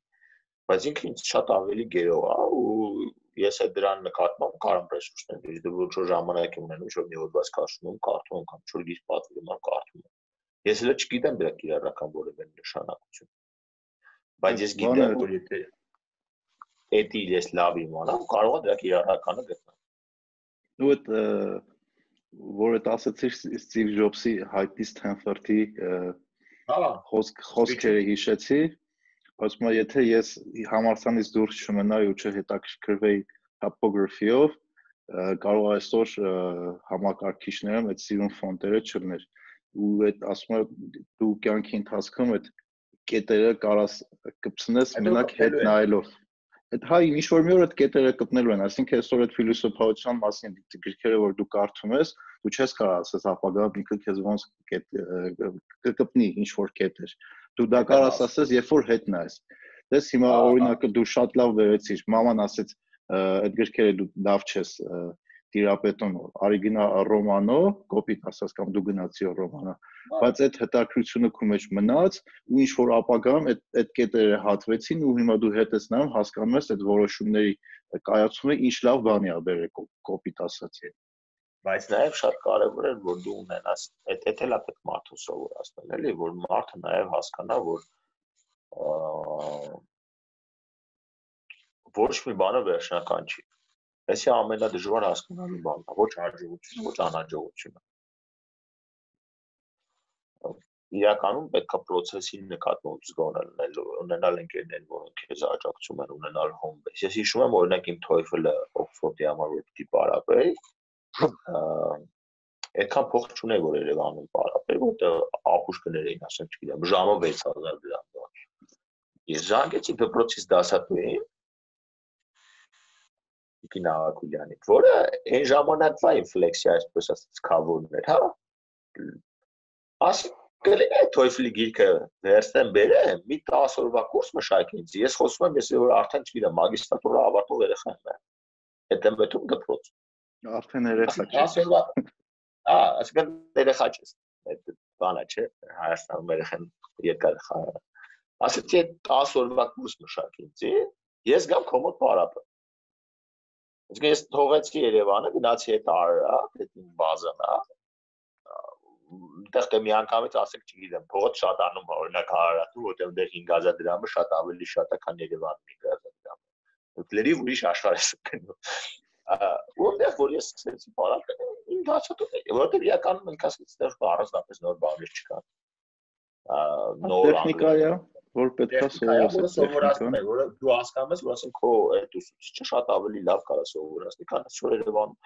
չեմ բացառում որ լավ է սովորացնում Երևանում բայց իմ ասած այնն է որ մարդը պետք է կարողանա իր կյանքում նախ իր սոցիալական կապերը լավ պահպանի այդ շատ կարևոր է երկրորդ երբ որ նույնիսկ անհաջողություն ա լինում ինքը դրա մասին կարողանա ռեֆլեքսիանի հասկանալ որտեղ է ինչա ինչ խնդիր է օրինակ այդ բանի միֆը ֆայտոնի միֆը կա չէ նկուն հին աստվածները բան այդ հին ունական դիցաբանությունը նեկում լավ հիշում եմ այդ պարտադիր կարդալու բան է դպրոցում այդ ֆայտոնի միֆը կամ այդ միֆերը դեդալոսի ու կարոսի որ դու կարաս ընցելնես ու վարվես ընկնես այդ իմ համար շատ բան են ուսուցողական են դրա հետ մեկտեղ ես չեմ կարծում որ մարդը չպետք է փորձի մարդը ընդհանրապես հենց կակրած պիտի փորձի գնա արևին հասնի պետք է միշտ իա մեծ նպատակ բայց այդ ընկնելու process-ի մեջ եմ ես սովորում ինչ որ մի ժամանակ ես հասկացա որ գնելու process-ի մեջ ես ավելի շատ բան եմ կարողանում սովորել, քան հաջողության, որտեղ հաջողության process-ի մեջ դու շատ անգամ չես տենում այդ էնդորֆինները բաները շատ է, ասես սվայշ լավ բան է լավ։ Չես կարող ասես այս սրա պատճառով եղա։ Նկատել ես որ մարդիկ միշտ ավելի լավ կարողանում են բացատրեն ինչ ինչ որ բան չեղավ։ Հա միանշանակ բիզնես գրականության մեջ դրա մասին իրականում շատ են խոսում, որովհետև օրինակ չեմ հիշում McKinsey-ն էր թե Bain Consulting-ի paper-ներից մեկն էի կարդում, բայց հիմա արդեն չեմ հիշում որն էր։ Կամ Bain-ն էր կամ McKinsey-ն։ Այդտեղ ինքը խոսում էր նրա մասին, որ բիզնեսների մեծամասնությունը, այն բիզնեսները, որ իրանք իրանք աշխատել են, իրանք հաջողության գաղտնիքը չգիտեն որն է։ Իրանք գիտեն, որ իրանք հաջողակ են, գիտեն, որ աճում են, բայց լրիվությամբ չեն հասկանում, որ համակարգի պատճառով, ինչ product-ի կամ որ թիմի պատճառով է իրանց հաջողությունը ու իրանք երբ որ սկսում են ուսումնասիրեն բիզնեսները, առաջինը փորձում են հասկանալ ինչ որն է պատճառները եղել որ բիզնեսը ստացվել է որն է իր success story-ին կոպիտ ասած այդ եմ ասում մենք մեր մոդեռն աշխարհը այնքան է հիմնվել success story-ների հրավառության վրա, որ իրապես ասենք failure story ու after story ու դրանից սովորելու մասին քիչ է։ Էապես ասենք գրականություն ուսումնասիրել ինչու չեղավ։ Նույն այդ բանի այդ այդ այդ առումով այդ աչամողլու գիրքը շատ լավն է, էլի։ Չգիտեմ why fails, հա։ Yes, why nations succeeded. That's why nations failed. Um negative բան արգումենտով ցույց տալի, հա, ինչի չեղավ։ Այնտեղ կան չէ, այնտեղ հստակ ասենք անգլիական գաղութների պատմության մեջ ինքը պատմում է success story-ներ։ Բայց ինքը շեշտը չի դնում։ Որտեղ մեսեջը cross անելու համար ասում է իսպանականները նայեք։ Ու հենց այդ եմ ասում, այսինքն մենք շատ անգամ այդ ռեֆլեքսիան թե ինչ խնդիր ունենք ինչպես են կարողանում ես հաղթահարել, կարողանում են թե չեն կարողանում։ Այս որ մի բանը չեղավ ստեղից, ես ինչ եմ սովորում, իմ պարտություններից ես ինչ եմ սովորում։ Այդ ավելի կարևոր է երկարաժամկետ կամ բան, բայց նաև չլինի այնպես, որ ասենք այդ ֆետիշներից եմ ես զսում, էլի, ասինքն ոչ հաղթանակի ֆետիշը լինի, ոչ էլ այդ պարտությանը ֆետիշ, ասենք որ լավ կրվա այս բանը, լավ չստացվեց իմ մոտ, հա այդ այդ այդ այդ էլա այդ էլա մյուս դրամատիկ խնդիրը որովհետև շատ անգամ դու մարդ մարդկանց հետ որ շփվում ես, միանգամից եթե զգում եմ, որ ասենք այդ ինչ որ խնդրությունը գրավիչ է, էլի մեր իրականության մեջ, որ չգիտեմ ինչ է խած։ Կամ գիտեմ, կա ոչ ես իման միշտ ասում ես պատմական զարգացումների արդյունքում։ Սկսում են տխուր բաները պատմել։ այս մեկը չեղավ, այս փորձեցի, ես լավ, ես լավ, ու սենց մի հատ այնպես լացա, որ ողբա։ Ոչ մի չես կարող բայց չես պետք է դրա բալանսը գտնես ու հերիքա դու դրա բալանսը գտնես ու կարողանում ես գնաս առաջ 1000 ու մի բան եմ փորձել ես օքսֆորդից առաջ 1000 ու մի բան էլ օքսֆորդից հետո եմ փորձել այդպես չի որ այդտեղ կանգնել եմ այդ իմ կյանքի երկու ամենասիրուն տարիներից մեկն է իմ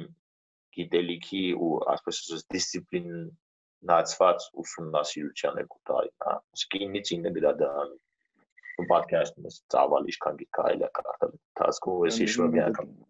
Այնտեղի գրադարանը նենց սիրուն ա ու մեծը, ինձ թվում է ես այնտեղ ես նոր մամայից բացատրում եմ, ասում եմ օքսֆորդի ինչ ասում եմ, վանա, թան գրադարանի տոմսա,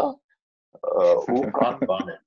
քան գրադանավարեր, ովքեր քեզի ասում են, թե օրինակ որ գիրքն է լավ, որը լավ չէ, դասախոսներն են, ու ինչես կարդացել։ Իսկ ուրի բան չի։ Բայց իա համակարգ, ասինքն օրինակ նաև այդ այդ էլ է հետաքրքիր կամպուսային կյանքը, որը կտրված է քաղաքից մեծ, հա, ինքը գյուղ է։ Օքսֆորդն է, Օքսֆորդշայրը։ Ինքը գյուղ է։ Ու ես հիշում եմ մի անգամ իմ ղեկավարի հետ խոսացի, ասեց նույնիսկ այդ խորթային այդտեղ կային այդ խորթային տարածքից եկող այդ կոպիտ ուսումնասիրում, ապուսագիտությունը այդ դակիր է դառնում որպես առարկա։ Ասես նույնիսկ այդ երեխեքի համար է դու շատ տեսություն։ Ասես նույնիսկ մեր անգլոսաքսոն երեխեքի համար է համեմատել է շատ ավելի շատ տեսություն օգտագործող։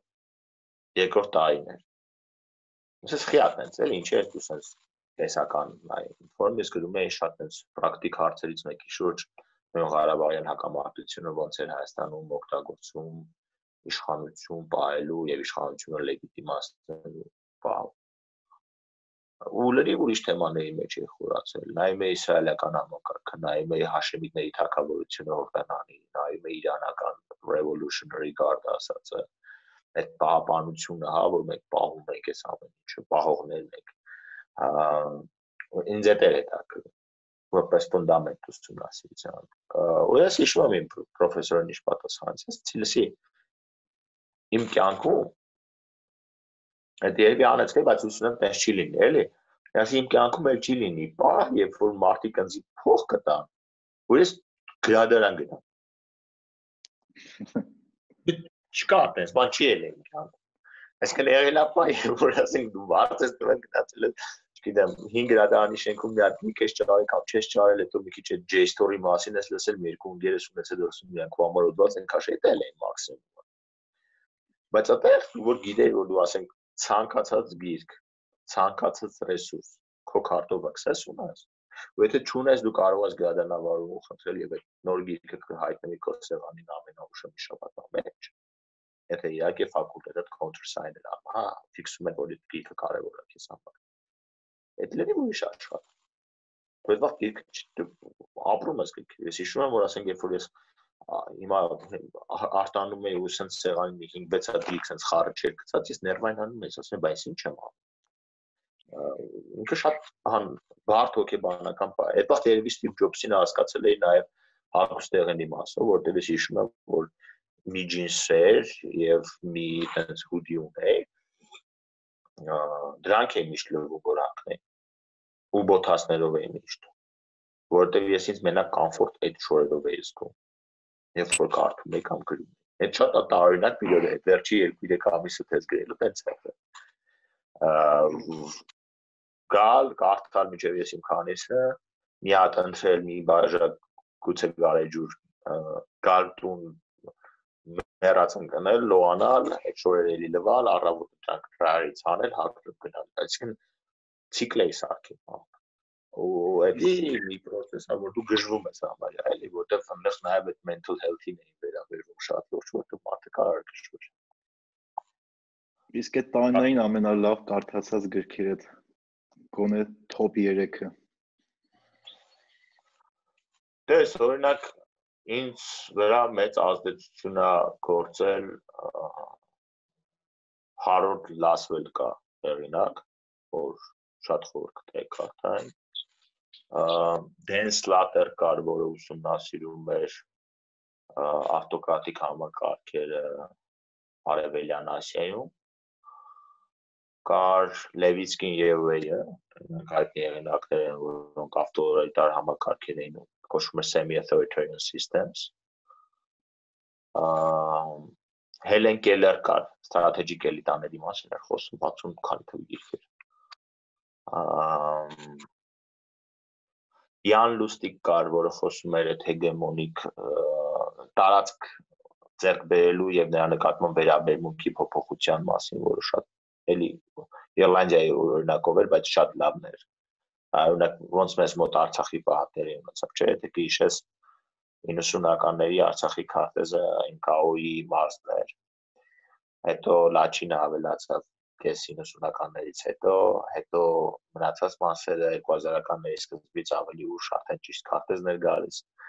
Այդ պատմությունները մարդիկ ուսումնասիրել են ոչ թե Ղարաբաղի օրինակով, այլ օրինակ Իռլանդիայի Իռլանդացի հեղինակին մի քանի տենց երկրների օրինակով է պատմում։ Ամ Շմիդի աշխատանքներն էին շատ կարևոր, Գրամշիներ կարևոր, շատ ու շատ են, ասենք ես չեմ չեմ հիմա հիմա մեկ կգործեմ որևէ մի հեղինակի նկատմամբ եթե բան անեմ բոլորին չհիշեմ այսպես ասած բայց այդ դրանք թեզին վերաբերում են կար ստալինիզմին վերաբերող աշխատանքներ, որ Շիլախից պատվիկներ գրել, որ ալբոմը պետք է կարդալ, Կոտկինը պետք է կարդալ, շատ-շատ աշխատանքներ։ Իսկ հիմա ես որ նայում եմ այդ ծավալները, ահավոր շատ։ Իսկ Օքսֆորդում Հայաստանի մասին գրականություն կար։ Կար։ Կար որոշակի գրականություն, հիմնականում, այսինքն օրինակ Lewis Kiway-ը այդ semi-authoritarian, հա, կիսավտորիտար համակարգի ուսումնասիրության մեջ Հայաստանը որպես նես chapter ուներ կար հիմնականում Ղարաբաղով ենք հայտնի Դևալի գործներ այն Devalis բացի նաև կար մոչում կար մտաբերեմ այդ սկանդինավին, որը քիչ ավելի պրոադրբեջանական էր գրում իա գործերը կար Ժերարդ Լիբարիդյանի գործերը Challenges of Statehood 2002 թիվ շատ շատ գրքեր կար այդ գտնեի Աստուրյան պրոֆեսոր ունեինք Կալիֆոռնիայում, որը գրում էր հայկական հեղինակների մասին կան օրինակներ կան, որ գիտեին ճանաչում էին երկիրը, հատկապես իմը երբ որ post-soviet studies էր, այսպես ասած Russia studies, Eurasia studies, այդ տարածքի ուսումնասիրություններ Հայաստանի նկատմամբ բավականին նորմալ գիտելիք եւ վերականություն կար դասախոսներ ունեի, որ ուսումնասիրել էին ինչ-որ բաներ։ Բայց դրա հետ մեկտեղ ես հիշում եմ, որ քանի որ Հայաստանն է ուսումնասիրում, նաև հայ հեղինակներ կային, հայաստանցի հեղինակներ կային Տիգրան Հայրապետյան կար մի ժամանակ, ով արևելագետ էր 99 թվականին ընկավ մեքենայի տակ կամ գցեցին մեքենայի տակ։ Դա մասին դեռ խոսում եմ։ Ինքը իմ իմացած ամենահետաքրքիր Հայաստանի քաղաքագետներից է երբևէ։ Այսինքն այդ ժամանակաշրջանի համար նման վերլուծություններ գրելը ֆանտաստիկա է առաջի աշխարհամա երկրորդ երրորդ աշխարհամարտի մատույցներում երկու արտորանոց գիրք ուներ, որը դա ստարել է։ Միակ գիրքն է, որը դա ստարել է Հայաստանից։ Հետո նաև այսպես ասած փիլիսոփա, հայ քաղաքական փիլիսոփայական գրքեր կային։ Օրինակ շատ լավ գիրքեր Ջեյմսի Սկոտի Seeing like a state տեսնել ինչպես պետությունը։ Իմ վրա մեծ ազդեցություն թողած աշխատանքեր։ Ինչն էր պատճառը, որ տենց ազդեցություն թողեց այդ գիրքը քո վրա։ Որտեղ ինքը օրինակ պատմում էր այդ սովետական եւ առհասարակ մոդեռնիստական հասարակության ձևավորման մասին, ինչի հաշվին է ձևավորվում, ոնց է ոնց է առաջանում են գաղափարները, որ տրանսիդիր են սարքում, ոնց է առաջանում պասպորտիզացիան, ոնց են քաղաքացիների տեղորոշում անում, հա, օրինակ դրա վերաբերյալ մեծ քննարկում են դա մեր մոտ, բայց օրինակ паспорտի գա ափարը, որնով գա ափարը։ Բոլորս մոռանում ենք օտա 20-րդ դարի սկզբին 10-ին։ Պաս паспорտի գա ափարը իրականում երբ որ ահա որ փոխել է չէ աշխարհը, բայց իսկ չի թվում որ այդ բայն բոլորը հասկացել են որ փոխվում է աշխարհը, որտեղ ազգանուններ, տեղորոշում, մատնահետքեր, հազար մի բան առաջացել ինչ ինչպես է պետությունը սկսում տեսողություն ձեռք բերել որովհետեւ հիմա մենք խոսում ենք լավ քաղաքականությունների եւ պլանի Ռուսաստանի մասին, բայց վիճակագրական ծառայության միջոցով աչե պետությունը տեսնում ինչքան լավն է վիճակագրությունը, չգիտեմ, ինչ որակի ենք անում, դա չեմ բան, հուսում եմ լավ է, բայց նու վիճակագրի այդ Armstat-ում եթե թվերը նամես իրականում թվեր կան, որ իրականությունից շատ հեռու են, բայց հանրային դեպս արդեն սկսել են նորմալ այդ ստատիստիկան վարեն։ Այդ ասում, այդ շատ կարևոր բան է, որ եթե պետությունը չի տեսնում, ասենք եթե դու ինչ որ դատա չունես, պետությունը կույր է, ինքը ո՞նց է որոշում քաղաքականություն Եթե ու այդ բայց դա լուրջ փիլիսոփայական հարց է, մորալ հարց է, որտեղ ես կարող չէի ուզում որ այդ պետությունը ինձ տեսնի։ Ես քաղաքացի եմ, ինքս համանապակված եմ, ես մարդու իրավունքներ ունեմ, ինքը իրավունք ունի իմ կյանքի մեջ շատ խորանա։ Չգիտեմ, այսինքն սենց սենց հարցեր է բարձրացնում Սկոտը, որը շատ լավ գիրք է, խորհուրդ կտա կարդացի։ Անպայման բան կանեմ, այդ reading list-ից մեջ կավելացնեմ կար Օտո ֆոն Հինցը այ անել է շատ հավանում գերմանացի գերմանացի հեղինակ էր ով որ հետաքրքիր բան էր ասում ասում էր երկրորդ համաշխարհայինում երբ որ նացիզմը պարտվեց պարտվեց նաև այն միտքը որ պետությունը կարող ձևավորված լինի մեկնա նպատակով, օրինակ պետության պաշտպանության նպատակով։ Այսինքն Օլոսադան պետությունը դարձավ ռեսուրս դիստրիբուցիանող, վերաբաշխող, խայ կանոններին հետևող, հա, որտեղ ասում եմ Եվրոպան Հիմա է գալիս։ Որտեղ այսօր շատ երկրներ կան, որ կոնկրետ մի հատ նպատակ ունեն, այդ նպատակի շուրջ կառավարվում են։ Օտոֆոն ինձ էլ ժամանակ գրում էր մոտավորապես մենք խոսում ենք եթե չեմ սխալվում 90-ականների սկզբեր իսկ դիալեկցիաները ավելի շուտ են 60-70-ական թվականներ այսինքն այն ժամանակ այդ միտքը որ ասենք չգիտեմ պետությունը կարա պրոստը նրա համար լինի որ պատերազմի ինչեւ մա աշխարհում ընդունված չի ամբողջ հետ նյուրնբերգյան աշխարհը բացառում է դա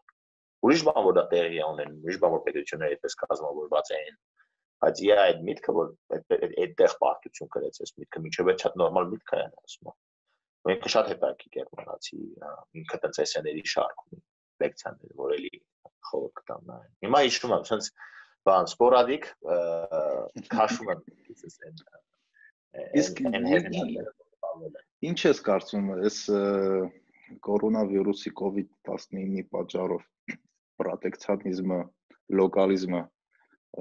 ավելի կուժեղանա, քան գլոբալիզմը։ Կուժեղանա շատ ավելի,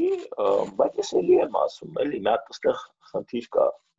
Պրոտեկցիոնիզմը կուժեղանա, լոկալիզմը, tribalism-ը, եթե կուզես, եւ ուժեղանում էր մինչեւ COVID-ը, հետո պետք է։ Մինչեւ COVID-ը ուժեղանում էր համիանշանակ պետք է ֆիքսել։ չի որ COVID-ով էր այդտեղ եղել։ Դրա հետ մեկտեղ մեկը փոխօգնության գաղափարը չի մեռնում։ Իսկն մենք ինչքան էլ ասենք, օ, բան, սաղին մենակ թողեցին, հետո մենք տեսնում ենք, չէ, ինքնաթիռներ են թռնում։ Ահա դեղորայք է հասնում։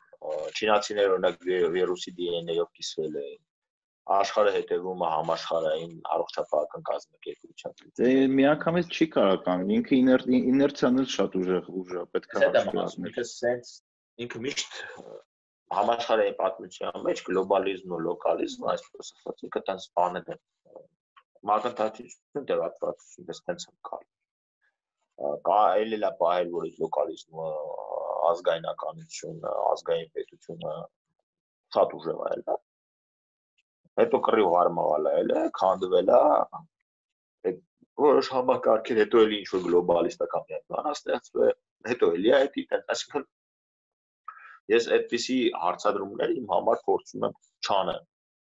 Իմ համար ես գիտեմ, որ իմ ժողովրդի զարգացման շատ ու շատ մասերում իմ ժողովուրդը շատ գլոբալ է Հայաստանը հա ինչքան էլ ինքը լոկալ է հետո նաև ազգային է եւ այո ազգային ենք եղել նաև գլոբալի մեջ դա շատ կարևոր ասենք երբ որ ես Սինգապուրում հայտնաբերում էի հայկական եկեղեցի ես էլ եմ գնացել եկեղեցի այդ եկեղեցու կողքը մասոնական տաճար էր այդ եկեղեցու ներսում է երբ որ կարդում եք թե մարդիկ ինչ բիզնեսով են զբաղվել դու շատ լուրջ հարցեր ես քո քո պատմության մասին իսկ արդյոք ես իրականում փակ երկիր եմ եղել sense բան ամրոց եմ եղել ամրոց եմ մենք իրականում միշտ Հա, մենք մենք առևտուր հատկապես շատ-շատ ազգերի հետ արել ենք։ Բայց հիմա օրինակ այդ այդ միտքը համ սովետի ժամանակ, համ հետագայում որոշ այսպես ասած իդեալոգիկ գործողությունների պատճառով համարվել է վատը տիպը առևտրականով բայց օրինակ եթե մենք կարդանք ամի հեղինակ է Ռազմիկ Փանոսյանը շատ հետաքրիր է հայագիտական այլ լավ գիրք մենք ունի այդ ոնց որ կոչվում էր from kings to priests այսինքն թակավորներից միջև տետերներ հա կոպիտ ասած հոգեվորական հոգեվորականներ, հա, from priests to merchants and from merchants to commissars։ Ահա այսինքն հետո առևտրականներ, առևտրականներից է գալի հասնում է կոմիսարներ, հա, որտեղ նաև սովետական պետության կազմավորման մեջ մեծ որպես կազմակերպված ազգային փոքրամասնություն։ Այդտեղ օրինակ շատ հետաքրիր աշխատանք ունի մի Սանկտ Պետերբուրգցի կին, որը խոսում է Can social kill for revolution դու պետք է սպանես հեղափոխության համար էլի ֆանտաստիկ հետաքրքիր է էլի շատ հետաքրքիր բաներ է պատմում նաև հայկական կուսակցությունների հատկապես դաշնակցության մասին է պատմում, միագործունեության, ռադիկալության մասին է պատմում։ ու այդ հատկանշական կերպով առանձնանում էր դաշնակցությունը Կովկասում, Jewish Bund կոչվածը հայկական բունդը, որը այսպես ասած Բելարուսի հիմնակվա եւ Ուկրաինայի հետ հարթավայրերում ձևավորված կուսակցություն խումբ է եւ Բալտիկ երկրներ եւ ռուսականեն արիստոկրատիան որ անհողին է դարձել հողեր կորցրել այսրանք են այդ ռադիկալ գաղափարախոսությունները գրող եւ ռադիկալ խմբերը որոնք enlightenment-ի այսինքն լուսավորչության արդյունք են հետամնացության արդյունք Իսկ սենց սենց սենց հարցադրումներ կան, որոնք Հայաստանի պատմությունը շատ բազմաշերտ է։ Ես կարծում եմ այո, որ ավելի հիմա այսպես ասած լոկալիզմը եւ ասպետությունը ցույց է տալի, որ ինքը միակ այսպես ասած իրապես կենսունակ համակարգերից մեկն է աշխարհում, եթե ոչ ամենակենսունակը։ Բայց դրա հետ մեկտեղ ես երբեք չեմ հավատում, որ գլոբալիզմը երբևէ ինքը հետ է տալու։ Ինքը միշտ առաջ է գալու կլինի դա տեխնոլոգիայի, կարող է մեկ կարող է քո գլոբալիզմը կոպիտ ասած մեկի ազգայինի պրոյեկցիան։ Այս շատ ահավոր բան եմ ասում։ Կարաս մանրամասնես հետաքրքիր իդեա։ Բայտակ բայտակ մոռանում եմ էլի որ պատկամավոր եմ։ Փորձեմ այդ ճոխությունը ես դու դա հիմա մենք ինչ որ կապով ենք չէ խոսում իա հետ ինչ որ zoom ինչ որ մեկ օրինել է մոտ Apple-ը, մոտ Huawei-ը ազգային product-ներ են երկուսն էլ հետո են յանք դառնում transnational corporations եւ այլն բայց ենք ազգային product-ներ բնորոշ են այս կամ այն հասարակությանը ու ինք դառնում այդ մի մարժեքը որով ես ու խոսում մենք այդ հազարումի անգլերեն տերմին ենք օգտագործում մի ժամանակ այդ ֆրանսերենը լեդրանից առաջ ունարեն լատիներեն գուցե ինչ-որ պահարաբերեն թվեր, կոդեր, ընդհանուր բաներ, նույնիսկ COVID-ը։ Այսինքն ես մի հատ hashtag-ը, հենց նոր էլի մատ է բար, որը բոլորին միավորում է։ Այսինքն այդ բաները, այդ էսը կտենակ sense ազգային պետությունները բան sense հենց ինչ որ մեկի ազգային պետությունը շատ ուժեղանում է, սկսում պրոյեկտելի արժեք։ Նոր գլոբալ ասած։ Այսինքն ամերիկան ուժեղանում պրիմիտիվ ասում եմ միտքս, բայց ինքը գլոբալիզմը նայել է ինչ-որ մեկի կամ ինչ-որ մի երկրների արժեքների պրոյեկցիա է։ կարող է իա արժեքներ չեն, կարող է դա արտահանման համար նախատեսված արժեքներ, չգիտեմ, բայց այդ գլոբալ ասած այդքան էլ տենց մի երկրում չի էլի բանը։ Գլոբալ մշակույթեր ունենալք ունարոմեական։ Հունաստանի ու Ռոմի, Հունաստանը Ռոմի։ Ռոմը Հունաստանից վերցրեց, հետո սա տարածում դրեց մակեդոնացիներ անում գլոբալ պրոյեկտ։ Իսկ բարձը բարձը մակեդոնական էքսպանսիայի պատմությունը։ Իսկ քո կարծիքով ինչ են ինչ որ պետություններ կամ անհատներ Մակեդոնացու կամ Հիտլերի կամ Ստալինի նման փորձում իրանց արժեքները տարածեն ողջ աշխարհով մեկ։ Ամ շուկա տեսանելի տնտեսականը Բացի դրանից նաև կանխատեսելիությունը։ Չեմ հավատում, որ մենակ տնտեսականն է պատճառը։ Կանխատեսելիությունը։ Վախը։ Ամ նորմատիվության հիմնական գաղափարը այն է, որ քո նմանս նմանին կսիրի, նմանս նմանից չի վախանում։ Աստվածային մոտեցումը հարցին։ Քո կերպարով ուրիշ մեկ ստեղծել է։ Նու իրական ճիշտ բան ես ասում, ռասիզմ, ռասիզմի արմատներն էլ է դերից գալիս։ Երբ որ Մինչև հիգիենան հնարել է կոպիտ ասած, երբ որ դու անծանոթի ես տեսնում, դու անծանոթից քեզ հեռու ես պահում այն պատճառով, որովհետև դու իրանից կարող ես վարակվել ինչ որ հիվանդություն կամ ինչ որ անծանոթ բան, քանի որ առաջ բոլորի իրարից առանձնացած էին ու դու ուրիշ ազգի կամ ուրիշ գույնի մարդուն վերաբերում ես կասկածանքով ու դա մնացել է դեռ մարդկանց մեջ։ Ու հիմա էլ կա ու հիմա էլ մենք չենք կարող հաղթահարենք այդ ռասիզմը, որը բադ բան է շատ։ Ես այդ առումով շատ գլոբալիստ եմ, բայց դա չէ չի լինում հաղթահարել, որովհետև շատ դժվար է, ասենք եթե դու ոչ մի անգամ ոչ մի բան ես հիշում եմ առաջի ամոթ տեսնել Ամերիկայում ինքնաթիռում եմ տեսել երբ որ ես տեսա որ ձերքի ափերը սպիտակ են դա իմ ամենամեծ շոկերից մեկն է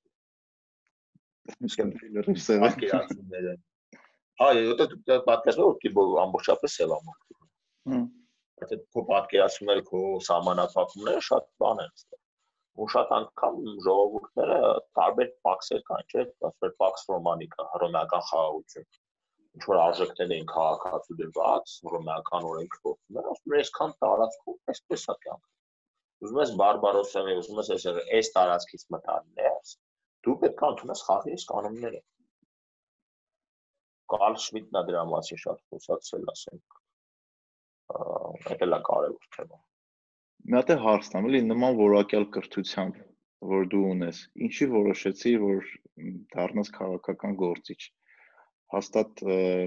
private sector-ում ավելի մեծ գումարներ կաշխատեիր։ Ու աշխատում էի։ Սկսենք այդտեղից, որովհետև տես ես իմ ամբողջ կյանքի ընթացքում շատ անգամ ավելի ինդիմադիր հայացքներ եմ ունեցել եւ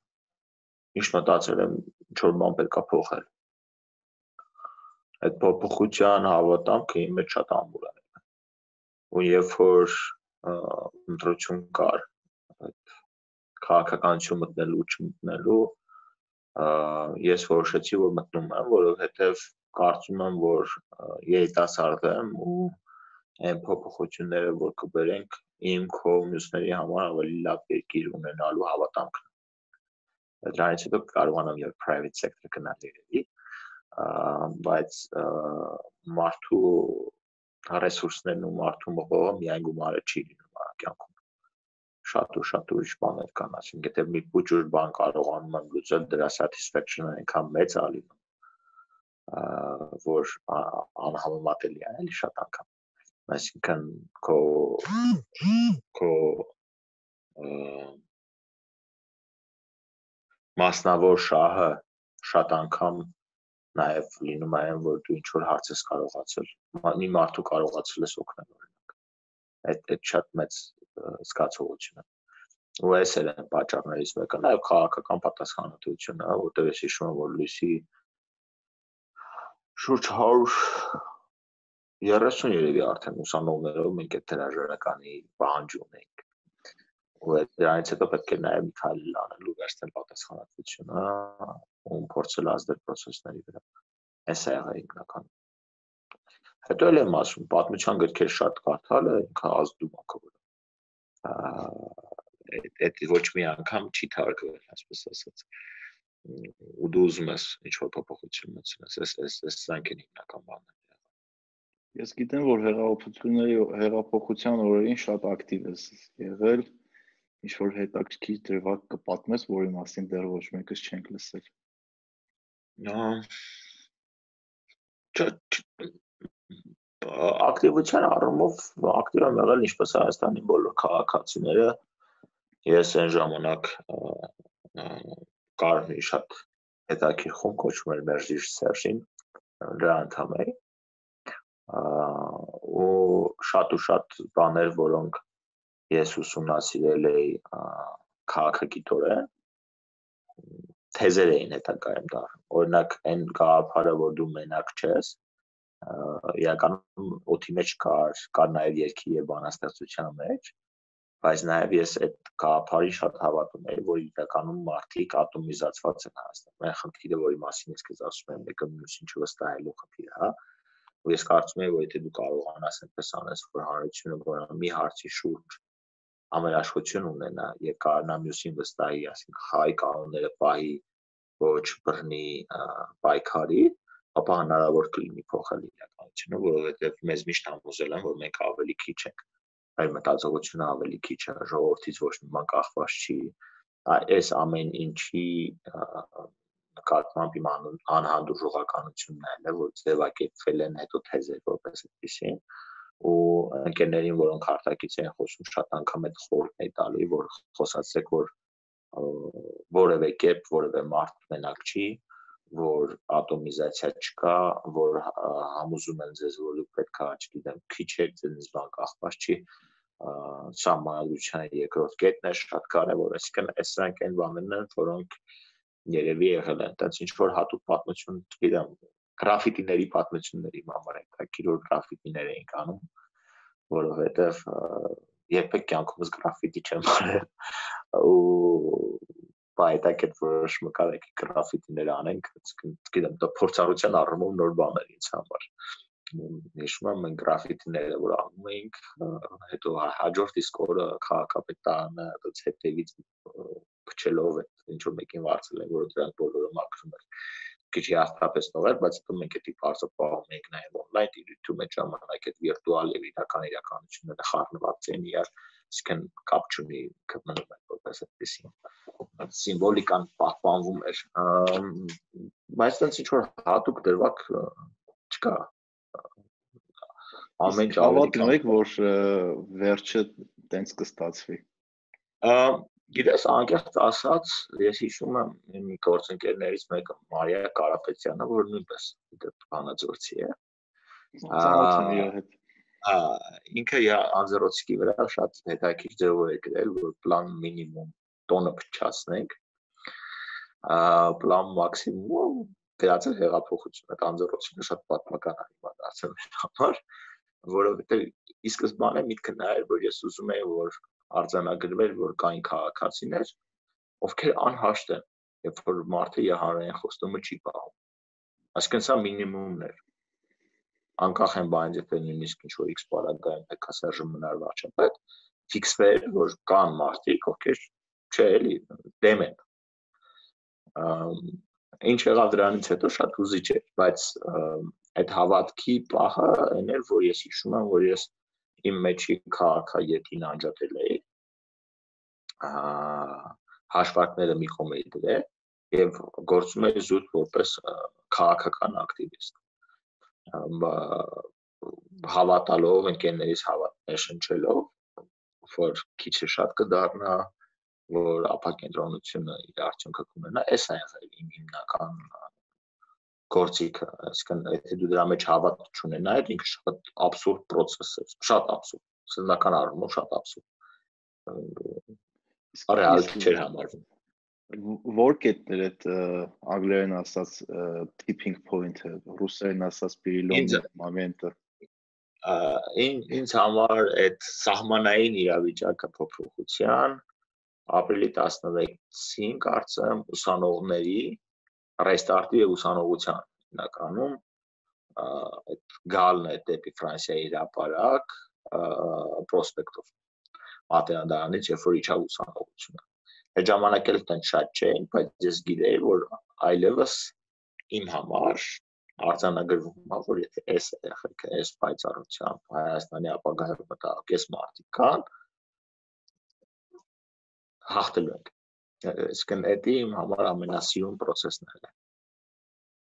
եւ այն պահը որ ես վստահ եմ արդեն վերջ ու նաեւ կար կալենդարը ինչ կալենդար? որոշակի կալենդ գործողությունների այսինքն ի վերջո գալու էր ապրիլի 24-ը ու երկու կողմն էլ լավ հասկանում են որ ինչեւ այդ պետք է անգուցալուծվի խնդիրը այսինքն ինչ է տեղի ունենալու ապրիլի 24-ին ու չգիտեմ նոր ջարդ չէ լինելու այդ մի շաբաթ էր մի շաբաթներ իսկ ոնց հասկացաք որ պետք է օգտագործել այդ decentralized ստրատեգիան տարբեր կետերով դա տարբեր մարդկանց մտքերն էլ հիմա իհարկե այդ մտքերի նկատմամբ տարբեր մարդիկ copyright-ի իրենց պատկանելու խնդիրներ են բարձրացնում, բայց կային խմբեր, ովքեր այդ փորձը ունեցել են քաղաքական պայքարի, որը ես չեմ ունեցել իրենցից պետք որովհետև բարձ կերպով հասկանալի էր նախկին ցույցերից մի քանի բաներ որ երբ որ նույն տեղում ես մնում հավանականությունը պրովոկացիայի մեծ է երբ որ նույն տեղում ես մնում շրջապատվելու հավանականությունը մեծ է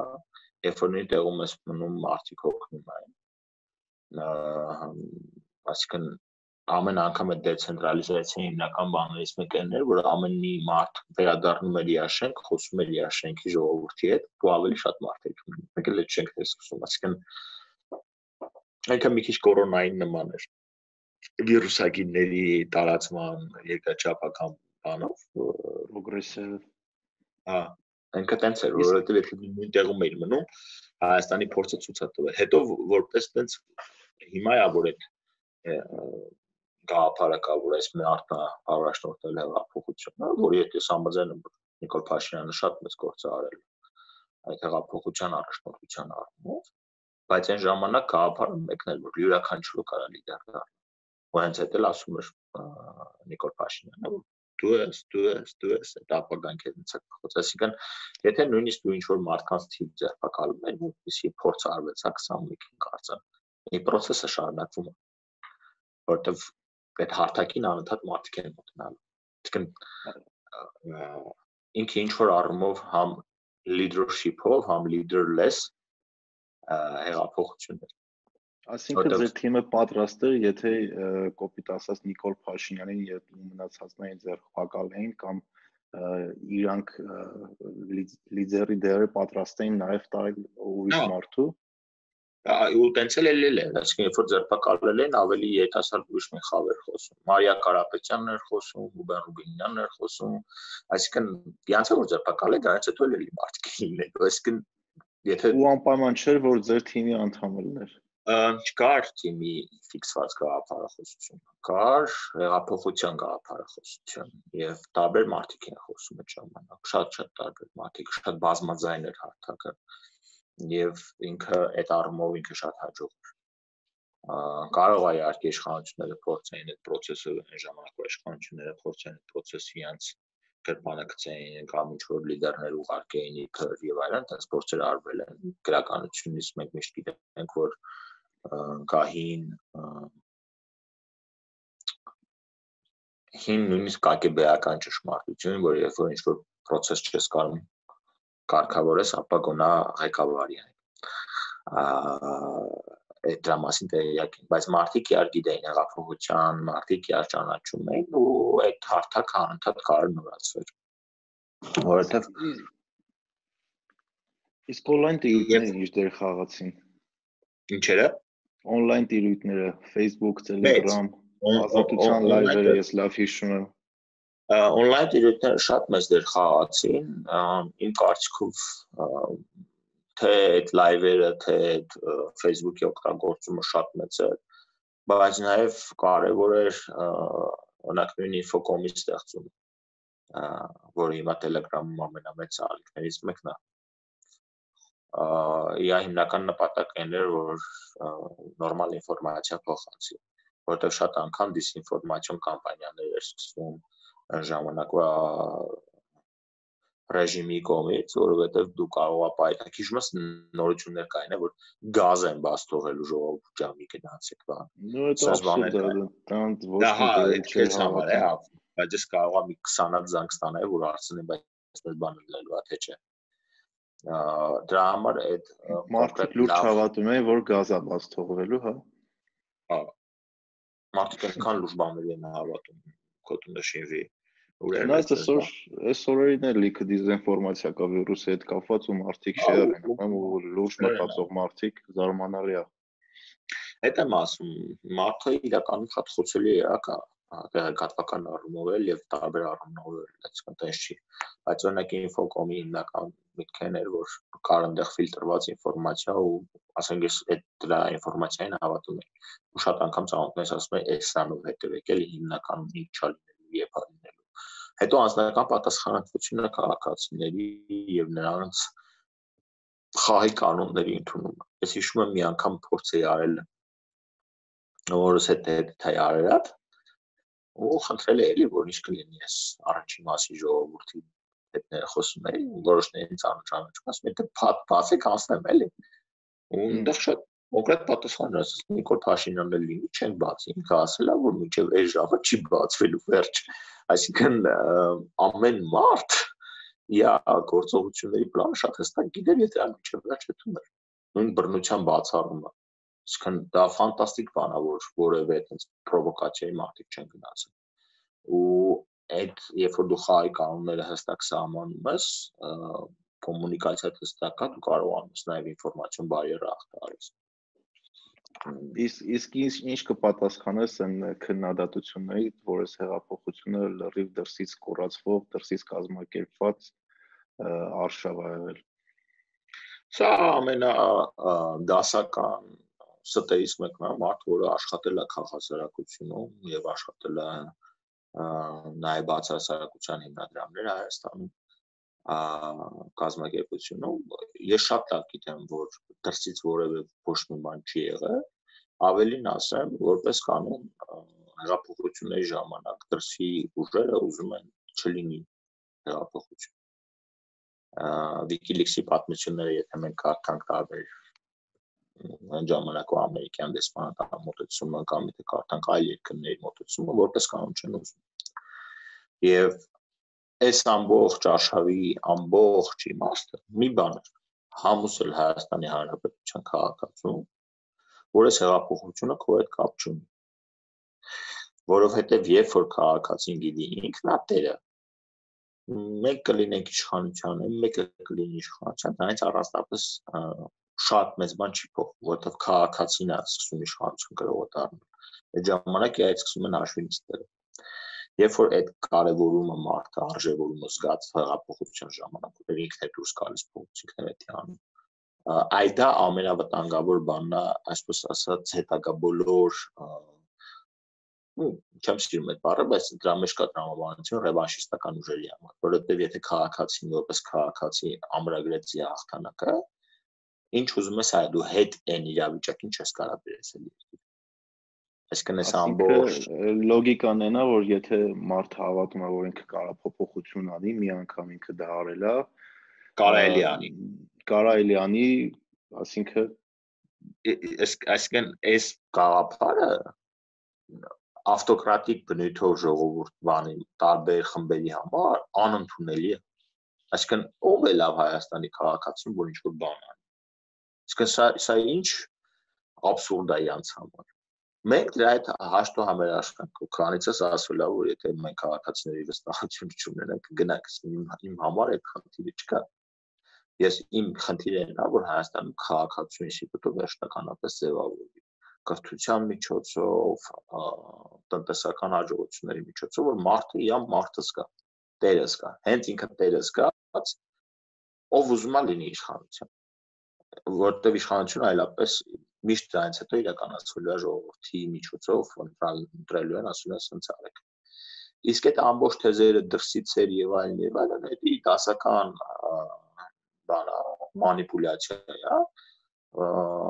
հիմնականում տարբեր տես խավերին կպտելու համար։ Ինչ են քաղաքասարակության ներկայացուցիչները շատ այս հեղափոխության մեջ կամ զգալի թիվ կա։ Նույն կերպ կա նաև IT-շնիկների բավականին հետաքրիր բանակ, որտեղ դա այն ժողովուրդն է, ում փողը պետությունը կոնտրոլ չէր կարող անել, դրսից էր։ Հիմա ասենք ես ծրագրավորողն եմ, իմ համար ցույցի դուրս գալ ավելի հեշտ է, քան եթե ես աշխատեի ինչ որ մի պետական հիմնարկում կամ ինչ որ մեկի գործարան, որտեղ 5 րոպե հետո ինձ այդ գործից կհան։ Բայց եթե ես, ասենք, չգիտեմ, աշխատում եմ ինչ որ ամերիկյան կամ չինական կամ հնդկական կազմակերպության հետ, կոդ եմ բերում ինչ պետք է անես ոչ ես գրելու իրանց ասես ինձ գործից հա հիմնականում այդ մեղադրանքներ բանանողները դրանք այդ այդ ուժերն են այն հետադիմական ուժերն են այլ ծառայությունների հետ կապված նաև սկանով սահմանափակված մարդիկ են ովքեր չեն ուզում ամրագրեն որ Հայաստանի Հանրապետության ժողովուրդն արել հնարավորինս իրանցից ծրելու եթե մենք པարս հետ նայենք Սերժի ժամանակվա Հայաստանում այն վաղտը լիքը մարդիկ ովքեր աշխատել էին այս կամ այն քաղաքասարակության կազմակերպությունը բերել իշխանության մաս։ Ես դրա մեջ որևէ նեգատիվ բան չեմ տեսնում, ես կարծում եմ որ քաղաքասարակությունը Հայաստանում շատ կարևոր դեր է կատարել ու իմ կենսագրության մեջ չկա ինչ որ մի հատված, որի համար ես այս կամ այն գտնայինը։ Ես կարծում որ բոլոր մասերը շատ կարևոր հələ իմ անձը ձևավորելու համար ֆլեքսի երեխեք կան, ովքեր էլի ակտիվ էին հեղափոխության ժամանակ, եւ ֆլեքսի երեխեք կան, ովքեր դեմ են այդ հեղափոխության։ Իսկ հիմա որ քաղաքասարակության շատ անդամներ ազգային ժողովում են կամ կառավարության մաս են կազմում, այդ քաղաքասարակության բացը հիմա կա կամ ինչ որ ուժեր դա լրացնում են կամ ինչ որ հասարակական նոր կազմակերպություններ ձևավորվել են, որոնք օրինակ կարան ձեզ քննադատեն կամ նախ նախ նախ սկսում սկզբից այն քաղաքասարակության կառույցները, որտեղից մենք եկել ենք, շարունակում են մեզ քննադատել։ Այդպես չի որ իրանք պետքա թարգեն քննադատությունը եւ իրապես քաղաքասարակությունը քննադատական դինի։ Կամ մի հատ ուրիշ process կա նախկին իշխանավորների հկայացման process-ը շատ ու շատ անգամ կալկաներ է ստեղծում, այսինքն եթե տեսել էին քաղաքասարակության մեջ ինչ որ հետաքրիր ակտիվ մտքեր կային, բերեք մեկ էլ կրկնեք, ասենք մարդիկ ովքեր սա կյանքը կուսակցական են եղել, իսկ կուսակցական լինելը քաղաքասարակության հետ համադրելի չի, ըստ դրա համար ասենք ես երբեք ինձ չեմ համարում քաղաքասարակության մաս, ես այլևս կուսակցական մարդ եմ կուսակցությունը ասենց սարեցնում են իրաց անդամությունը, հետո մտ ՀԿ են բացում, հետո դες փորձում են ասել մենք որպես հասարակական կազմակերպություն։ Հասարակական կազմակերպություն ունենալու կրեդենցիալները դրանք վաստակելի ելույթ է։ Դու դա պետք է ժամանակի հետ խոցելի քաղաքացիների կողքը կանգնելով կարողանաս վաստակես։ Հիմա այդպեսիք շատանում է fake, այսպես ասած, հկաներ եւ այլն։ Այդ fake-ն թե իրանք հավատում են իրանց արած գործին։ Ну ես բոլորից միշտ չեմ շատ չեմ կարող ինֆորմացիա տամ, բայց Դե լա ջան, հիմա խնդիրը էս է, եթե օրինակ մարդիկ իրանք իրանք գործին հավատում են եւ իրապես ուզում են իմանալ, օրինակ ասեմ, ասեմ, դիտորդական առաքելություն են ուզում անեն, կամ ուզում են իմանալ պետական чиновникների աշխատավարձն ինչքան է եւ այլն։ Իրանք ոչ մի բան չէր խանգարում 2018-ից առաջ այդ հարցումները ուղարկել։ Բայց չի ուղարկել Հիմա երբ որ մենք խոսում ենք այս այս դերույթի մեջ, միշտ մենք ասում են ախպեր դե բոլա էլի ամեն անգամ նախկինները բա Սերժի վախի չեն արել եւ այլն, այդ այդ արգումենտն եմ վերում, բայց դա իրապես իլյուստրացիոն process է։ Այսինքն եթե մարդը Սերժի Հայաստանի ժամանակ հարցում չի ուղարկում, որ իմանա օրինակ այս մարդը ինչ է արել, ոնց է արել, Ես դեմ չեմ, որ մեր վճարների եւ այլնի մասին հարցումներ անել։ Մեր բոլոր ֆինանսները շատ թափանցիկ պետք է լինեն քաղաքացիների համար եւ բացատրելու։ Ես դրա այդների համաձայն եմ։ Հա բայց մի անգամ էլ վաղ ուղարկեիք էլի կամ մեդիայի կոնտրոլը այն ժամանակվա չտեսնված է այլ սամացենզուրա է, ինքնացենզուրա, ոչ հանկարծ այս բան չկրեն։ Որ որ քանի մեդիա outlet կգտնեինք, որ ասեն կարող է Սերժ Սարգսյանի մասին նեգատիվ բան գրածել։ Իա մաս։ Գրում էին։ Չէ, ինչը հեղափոխություններն էլ են գրում։ Գրում էին, բայց տենց չէ։ Բեր օրինակից։ Ну, բանով հետքով եմ շատ անգամ ես լավ ուժեղ քրիտիկա տեսել, ազատությունով, ազատությունով, մեդիա մեդիա մաքսը, Անարմենյանը մեդիա մաքսը չէ։ Ես եմ ասում, որ թույլատրելիներ օրինակ Սաշիկի մասին գրել թույլատրելի է օրինակ SMS, բայց կային դեպքեր, որ ասում են անթույլատրելի է գտել։ Բայց մեկը գրում էին։ Այո, բայց շատ ավելի քիչ ծավալը, քան հիմա այդ հիմա դու դնես content analyze անես ինչքան է գրվում այդ լրիվ նորմալ է, այդ մենք համարում ենք մեր ձեռբերումներից մեկը։ Չէ, որովհետեւ եթե այն ժամանակ այդ ինֆորմացիան չգրվել, այդ ինֆորմացիայի հոսքը չուներ, ինձ թվում է այդ process-ները, որ 2008-ին եղավ, չէ, 2008 2018-ին եղավ, չէր կարա լիներ։ Իհարկե, բայց դրա հետ մեկտեղ կար մի հատ ուրիշ բաներ, այսինքն կար որոշակի սահմանափակումներ, red line-ներ լրատվամիջոցների համար, որոշ լրատվամիջոցներ 1-2 կարող է չէ, բայց մնացածի համար հա, իսկ հիմա որ բացում է հերթերը։ Իրար, ասենք ես մեկ-մեկ այդ իրականությունը որ տեսնում, սարսափեցնում է ինչքան հերոյ է իրական շատ ու շատ բաներ բայց դա նորմալ է դա երբ որ դու դառնում ես քաղաքական գործիչ դու պետք է պատրաստ լինես որ քեզ քննադատեն ինչքան ուզեն ուրիշ բան թե դե ինչքան նա ճիշտ ինչքան նա սխալ բայց այդ նորմալ process է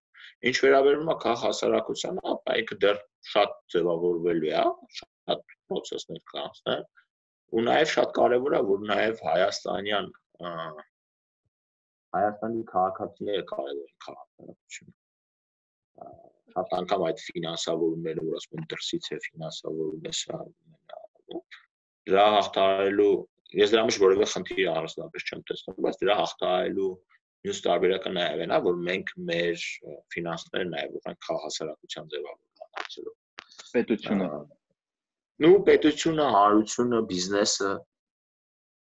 ասենք չգիտեմ, օրինակ երբ որ IT-շնիկների գումարին են կապնում, մի հատ այնց արագ է այդ քաղաքասարակությունը ձևավորում է դեմիում շարժում, քիշես ինչքան IT-շնիկներ կան մեջ։ հա։ Որովհետեւ իրանք հիմնական IT-շնիկներ էին։ Հա, որը երբ ուզի ինքը կարա ձևավորի իա բանը, արմիություններ, իա մեդիաներ, իա ինչն էլ ուզի, որ ինքը ասում է օպ։ Էսի իրավունքն է էսի իմ գումարն է, էսի իմ ու էսի շատ հետաքրքիր process է։ Հայաստանում կարան քաղաքասարակության տարբեր կառույցներ ձևավորվեն։ Շատ կարևոր է կրթության ոլորտինները։ Ճիշտ է համարում են իդեան, որ պետությունը ֆինանսավորի ինչ որ հկներ առանց նախնական ինչ որ աջենդայի Ես կարծում եմ, որ պետությունը հնարավորինս քիչ պետքա ֆինանսավորի հկաների։ Կարա ինքը ֆինանսավորի ինչ որ X պահ, բայց պայման դնի, որ իրանք հետո ինքնաֆինանսավորում գտնեն։ Որտեւ երբ որ պետությունն է ֆինանսավորում հկաների, ինքը վերջում մի օր հասելու է հկաների նկատմամբ բանա ձեռք կարա մի անգամ օրինակ ֆինանսավորել, չֆինանսավորի, այդ նորմալ է, բայց եթե ինքը շարունակաբար պետությունն փողա տալի, ինքը մի պահ հետո սկսելու է նաև ասի ինչ օրակարգ, օրակարգի քրծեվով։ Շատ կարևոր է որ քաղաքասարակություն միտքը տենց բան չդառնալ ու փորձում է իրան հնարավորինս Հայաստանում տարբեր շրջանակներ դեմոնիզացնել, բայց այդ կարա լինի ասենք ֆուտբոլային թիմի ան ֆուտբոլային ինչ որ կլուբի մարտիկ ովքեր իրանց կլուբն են սարքում դրա բալեջիկներն են ասենք այս թիմի այդ ուղղությամբ են աշխատում կամ կարա լինի խումբ որը օրինակ ուզում է կրթության որակի վրա աշխատի ասում ախպեր ինձ չի ուզում այս ամեն ինչը ինձ պետք է որ կրթության որակը սենս լինի ինքը սկսում է ուսումնասիրություններ պատվիրի ինքը սկսում է նյութեր պատրաստի ինքը սկսում է կուրսեր պատրաստի այսինքն սենս ուղղություններ կան որոնք բաց են որտեվ ժողովրդավարական երկրներում քաղաքասարակությունը խիստ կարևոր դեր է տանում ինքը շատ ուժեղ դեր ունի ու նորմալ է նաև այդ դերը կալվում էլի բայց մեր մոտ այդ ասոցիացիաների ստեղծումը էլի թույլ է էլի մենք հետ են գալիս այն մեր ֆունդամենտալ հարցերին օրինակ ամերիկայում այդ group work-երը որ տալիս են կամ group project-ները որ տալիս են հիմա դու չես կարա նորմալ հակա աշխատացնես մի քանի ընկերներով շատ դժվար է այդ process-ը որտեղ էլի փոխվստահության հարց կա, օրակարգի հարց կա, ռեսուրսները որպես կանոն ներգրավում են, ռեսուրսները երբեք մեծ խնդիր չեն լինում։ Եթե դու ունես գաղափար, ոնց որ որ չգիտեմ, բիզնեսում։ Ну բիզնեսի մեջ էլ է տենց, դու պետքա կարողանաս թիմ հավաքես, որը քեզ կվստահի, որ դու կարողանաս իրար ինչ-որ մի ծանրի վրա աշխատեք։ Հա։ Դա ամենակարևոր հարցն է, որը եթե ունենում ես, կարողանում ես հաջողության հասնել։ Եթե չես ունենում, Բայց հնարավոր է օրինակ դու ՀԿ ես կամ ինչ որ հասարակական կազմակերպություն ես, դու ֆինանսավորում ես տանում ինչ որ տարբեր ուղղություններից ու դու ունենալով այդ ֆինանսավորումը ինչ որ կառույցից լիովին անկախ լինես քո քալերի մեջ արի մի քանի բան ֆիքսենք երբ որ դու ինչ որ ֆինանսավորում ես տանում դու ունենում ես որոշակի ծրագիր, որի համար ֆինանսավորում ես ստացել Այսինքն ես օրինակ ասենց ասեմ, ես ուզում եմ ասեմ դիտորդություն անեմ, իսկ փողը, իսկ փող եք տալիս դիտորդություն եմ անում։ Դիտորդություն անելը ինքնին անկախ է։ Ես ինչ որակի դիտորդություն կտամ եւ այլն, դա իմ գործն է։ Ճիշտ է, կն տենց է։ Բայց դիտորդություն անելը իա օրակարգն է։ Այդ քեզ ֆինանսավորողի օրակարգն է։ Այսինքն, երբ որ ես ասում եմ անկախություն, ես նկատի չունեմ, որ օրակարգերը տենց օթի մեջից առաջանում են, տենց չի եկավլիցի։ Բայց քո գործողությունը անելը քեզնից է կախված։ Դու այդ դիտորդությամբ կարող ես այդ դիտորդությունը անես լավ լինի, վատ լինի, չգիտես իրականությունը ոնց է։ Ոնց որ որ business project-ը դու կարող ես ասենք ասես, դու չեմ ուզում շատ նմանացնեմ տարբերություններ, բայց ասենք օրինակ դու ասում ես ես ֆինանսավորող եմ, ես ասեմ, չգիտեմ, նավաշինարարություն եմ ֆինանսավորում։ Ոնց ոչ մի ուրիշ բան չի հետաքրքրում։ Կարես եք ասում նավ եմ ուզում սարքենք Ես նայում եմ, ասենք դուք չգիտեմ, ինչ-որ փորձ ունեք նավ սարքելու եւ այլն։ Այլ իսկ ֆինանսավորում, բայց ես չգիտեմ ինչ նավ է սարքելու Այդ մասը այդքանով դու անկախ ես։ Բայց այն որ նավ է սարքելու, մենք դրա վրա ենք պայմանավորվում։ Այդքանով անկախ։ Այսինքն դու ինչ որ ուղղությամբ կոնկրետ իդեա ունես, ինչ որ կոնկրետ քայլեր ես անում, ու դու գտնում ես դոնորներ կամ գազམ་ակերպություններ, որոնք պատրաստ են այդ իդեայի համար գումար տրամադրեն։ Հա։ Ու այդքանով ձեր աջենդաները համընկնում են։ Այո։ Բարձա։ Ու այդքանով է քո ջենաները համընկնում։ Բարձա։ Սորջան վերջի հարցը տամ շատ ժամանակը չխլեմ։ Հիմա որպես քաղաքական գործիչ ու իշխանության կազմից մի մի, մի մաս ինչ քայլեր եք ձեռնարկում որպեսզի մեղմացնեք այս վիրուսի ազդեցությունը հասարակության վրա, երկրի վրա այ կուզեի դա առաջի հարցը լիներ ամբողջենեք ես նատա ամ առաջին առումով այդ խոցելի խմբերի սոցիալական ծրագրերն են, որոնք թվով շուրջ 6-ն է։ Խոցելի խումբ նկատի ունեմ կորոնավիրուսով պայմանավորված աշխատանք կորցրած մարդիկ կամ մարդիկ ովքեր չեն կարող աշխատել եւ այլն, այս այս այս ցանցալրության փաթեթները, որը աշխատանքի եւ սոցիալական հարցերով նախարարությունն է բանում։ Այսինքն մի մի մասով մենք ուզում ենք այս սոցիալական խմբերը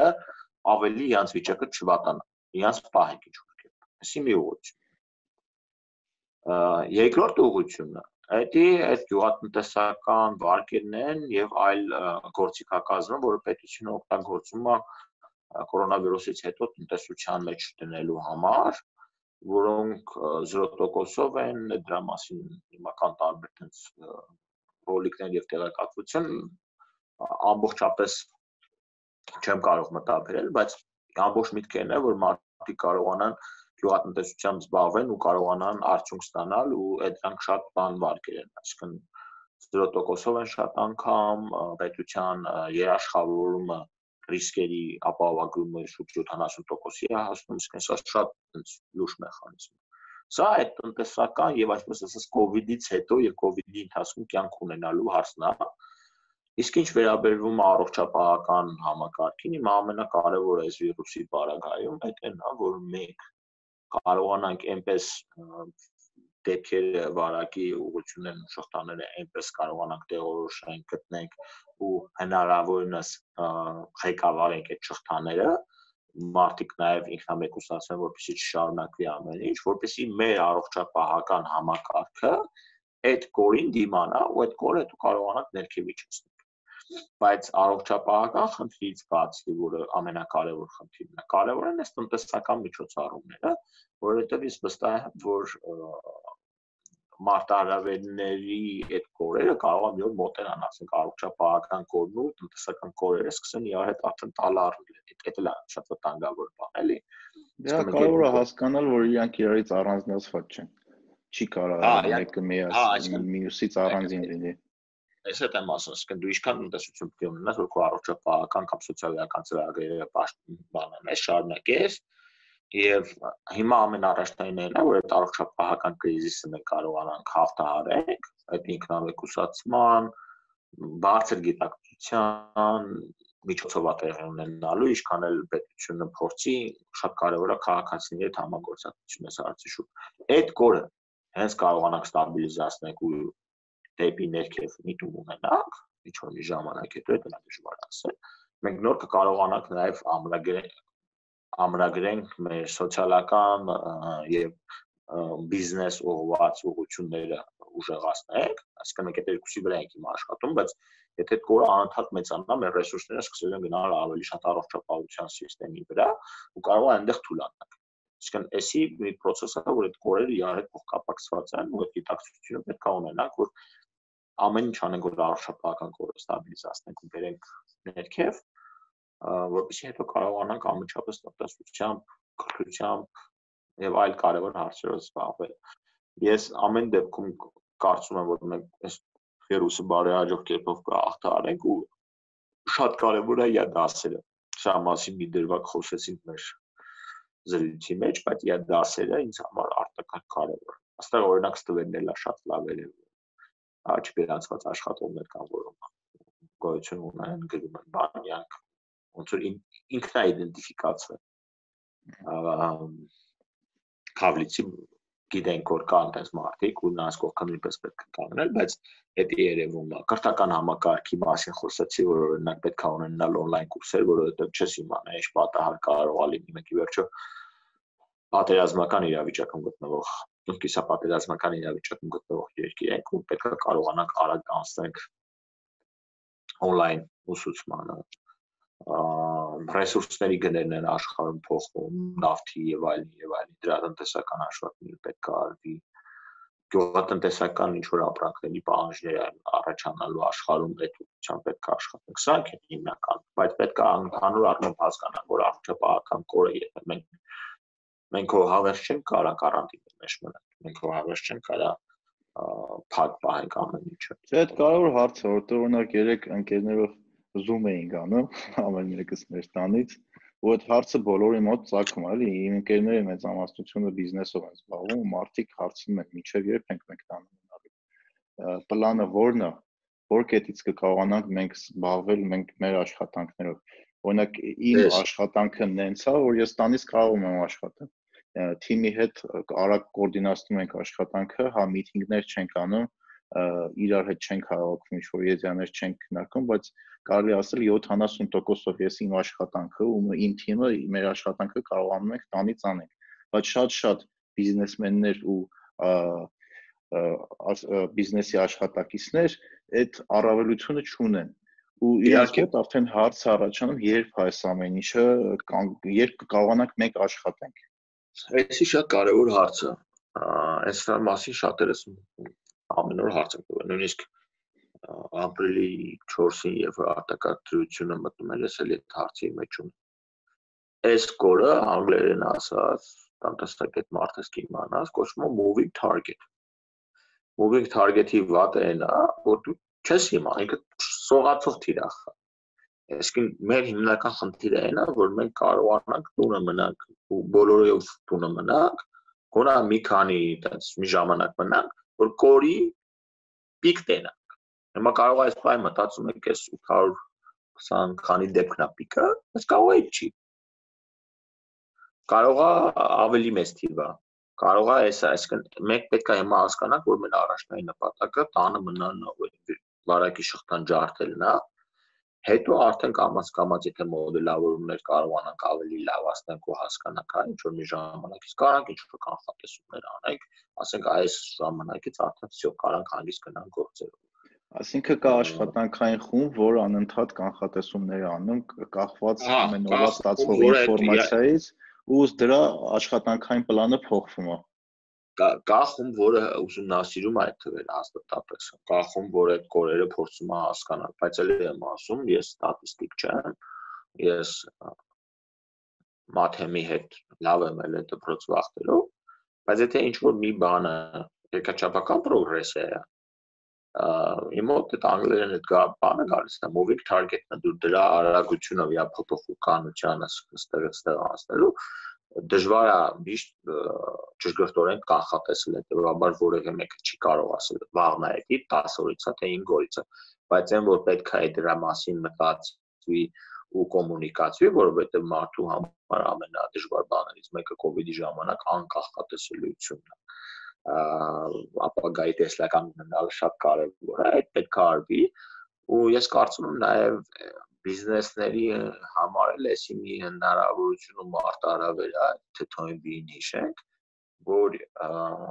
ինքը կարա մի հատ այդպես ռեֆլեքսիոն ժամանակ ունենա։ Մի քիչ վատ է հնչում, բայց սա ոնց որ պարտադրված retreat-ը լինի հազար մի միտք հիմա կարող առաջանա մարդկանց, որ այդ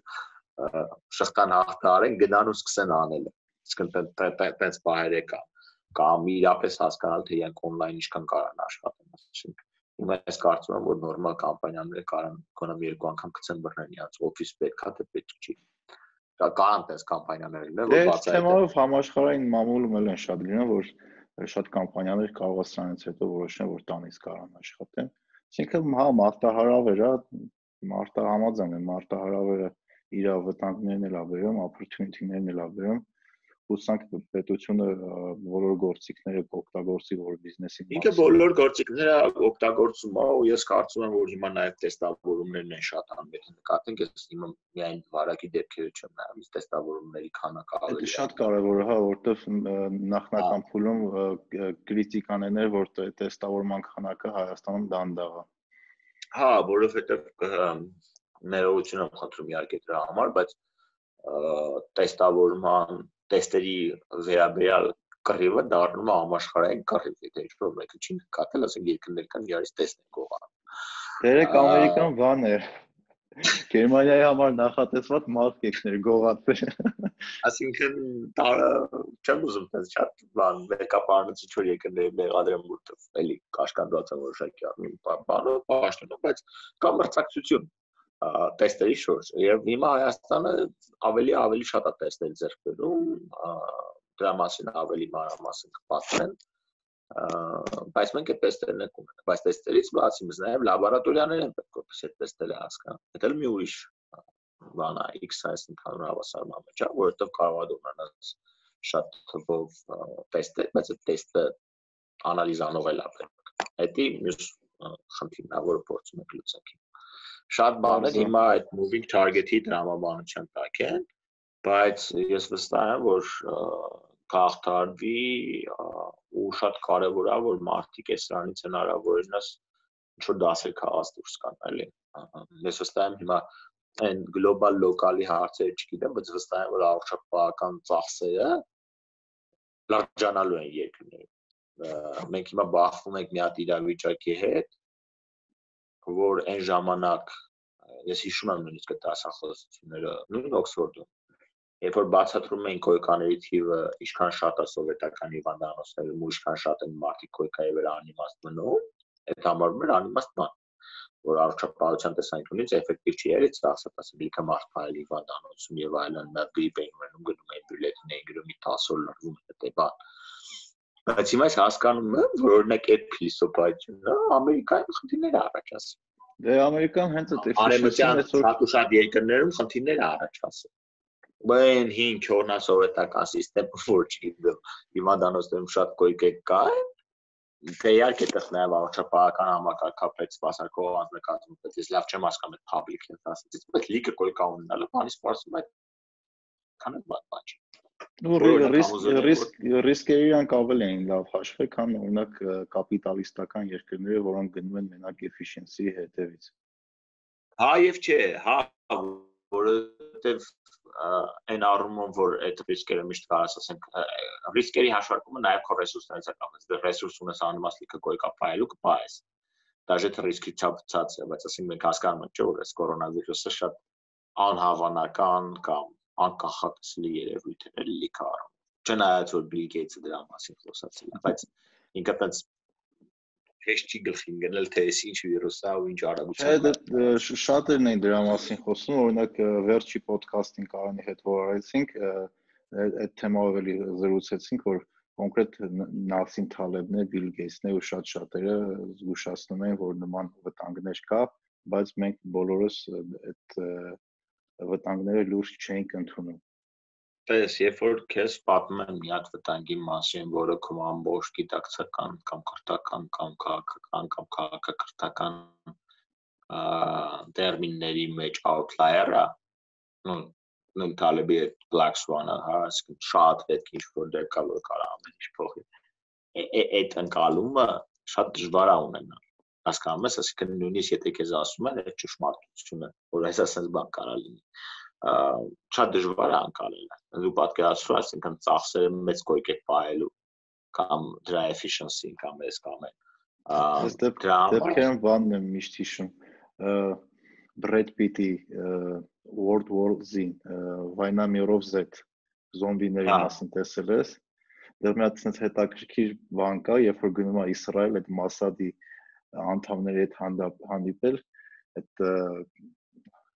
հрьяներից մեկը պատմում է, որ իր գործերն է, երբ որ մեծամասնությունը կոնսենսուս ունի ինչ-որ հարցի շուրջ, ինքը հակառակն է ասում, հա, եկեղեցու մեջ է իրականում այդ դերեկար, այդ advocat diable-ը։ Devils այդ բոլոր բաներում կա, այսինքն բոլոր լավ թիմերում պետք է լինի այդ red team-ի գաղափարը կամ մի հատ սպոյլեր, որը կարողանա այդ բոլորին մի հատ challenge անի հասկանա ինչա լինում։ Բայց ես դրա համար է ամենակարևոր ռեսուրսը երկարաժամկետ առումով այդ այն ինչ որ անգլերեն կոչվում է fungibility այսինքն մի իրավիճակից մյուս իրավիճակին անցնելու պետության կարողությունը այդ հիմնականում ճապոնիայի մասին էին ասում որ իրականում իր ամբողջ տնտեսությունն ու քաղաքականությունը խաղա էկոնոմիկ առումով civilian է, քաղաքացիական է, բայց ինքը կարա փոփոխվի ռազմականի շատ արագ։ Եթե իր նկատմամբ բառնալիքը։ Այդ դա այդ փոփոխվել, այդ ռելսից ռելս դնելը ամենակարևոր asset-ն է, այդ բանն է, կարևոր հանգամանքն է, որ պետությունը պետք է կարողանա իր մեջ մշակի։ Այսինքն ինչքան արագ մենք կարանք օրինակ այդ բանը այդ շնչողական սարքից սարքենք, շատ ավելի կարևոր է թե հատ մտքից սարքում Շատ ավելի կարևոր է դու քանի հատ ինժեներ ունես, քանի 3D printer ունես, կարաս այդ սարքես, կարաս այդ դիզայնը գտնես, ինչքան լավ կլինի այդ եւ այլն, այդ ձևի ինչ ինֆրաստրուկտուրա ունես, քան ասենք ուզում ես 100 000 ունես, դու որովհետեւ կարող է մի օր այնպես մարտարվել լինի, որ դրանք պետք չեն, պետք է դրանից մի հատ ուրիշ բան ստանաս։ Այդ ուրիշ բան ստանալու process-ը իմ համար, իմ համարում է, չգիտեմ, դա ֆանտաստիկ է տակի բան։ Ոնց ես կարողանում սովորաբար լրիվ հակառակ է գնում մեծ կենտրոնացված պետությունների հիերարխիկ կազմավորվածությանը այսինքն եթե դու պետություն ես, որը կոնկրետ իր հիերարխիան ունի, իր օրենքները ունի, իր խաղի կանոնները ունի, այդ դեպքում դու ո՞նց կարաս շատ արագ ադապտացվես նոր իրավիճակին, եթե դու դանդաղ ես։ Քո տեսակով։ Հենց այդ եմ ասում, IT-ը պիտի դառնաս արագ։ IT ամենադժվար բանն է, որովհետև շատ անգամ հիմա տես օրինակ ասում են չինացիները, էլի եմ էլի ասում ես մասը չգիտեմ, ես որպես падգամավոր եմ բանանում, մեկը մոռանում եմ դրա մասին նույն Չինաստանի գործընկերներ իրենք կարողացան այդ վիրուսի դեմ ըստ աստիճանների արագ պայքարել որովհետև իրանք ունեին պետական ավելի դիսցիպլինված համակարգ եւ կարող ասեն ախպեր հեշտ կարևոր չի որ դու ասում չգիտեմ դուրս գաս այս անաս կամ անաս դու փակվում всё մենք փակում ենք փակում ենք հարցը լուծում ենք ելնում ենք այս մի փիլիսոփայություն Հիմա ամերիկյան համակարգում ուրիշ ծերի փիլիսոփայություն։ Ասենք իտալացու, իսպանացու վարկը տարբերվում է գերմանացու վարկից։ Իսկ սրանք այնց հարցեր են, որոնք պետությունը պետք է կարողանա իր համար տա։ Իմ կարծիքով այդ փոփոխությունը փոքր երկրի բարագայում հակապես Հայաստանի ռեսից ռես փոխվելը կարա լինի լավն ու արագը։ Ինքը ավելի հեշտ է, այստեղ ավելի մարդիկ կապված են, այստեղ ասենք չկան այս մի հատ մարդ որի որը քեզ երկու հեռախոսի զանգի վրա չի էլի չկա գոյություն չունի ցանկացած մարդուն երկու հեռախոս եք կարաս գտնես Իսկն բայց այդ այդ համակարգը այդ fungibility-ն այդ մի ռեսից մյուսին թռնելը շատ կարևոր է օրինակ ես հիմա կարծում եմ որ մենք այդ գիտակ մեր կապիտալ ծախսերը պետք է լինեն առողջապահության, կրթության, գիտության այդ ուղղությունների վրա մենք պետքա լավ ինժեներներ ունենանք, որ իրանք գծեն այդ համակարգը որտեվ կարող է այսօր էդի առողջապահական բանը շնչառական ապարատը վաղը կարող է լրի ուրիշ բան պետք է այսինքն դու պետք է ունենաս մարդ որը կարողանա այդ բաները դիզայն անի ու գծի տա քեզի նա դու ունենաս մեկը որ դա կարողանա սարքի այս ավելի կարևոր է քան այդ դրանից կիլոներով ունենալը ես այդ այդ այդ համոզմունքին եմ էլի այս կետի ամենադժվար ստանալիքը Նույնն է այս օրինակ այդ on-line կուրսերը։ Ասենք հիմա ես բաց չեմ թողել, ես ուզում եմ որ իրապես Հայաստանում on-line կուրսեր լինեն։ Դասարաններով, բաններով ֆիքսած իրապես on-line կուրսեր լինեն։ Ոչ թե եղած համակարգը փորձենք on-line-ի մեջ տեղափոխել։ Արզա։ Իսկ ամենավերջում մի հատ ֆիլմ մեկ է, մի հատ գիրք, ինչ խորհուրդ կտաս տանը նստած մարդկանց։ Ահա Մի-մի հատ եմ ասում, որ հեշտացնեմ։ Էդ է էլի, դժվարանում է այդ վաղ ավելի։ Ֆիլմ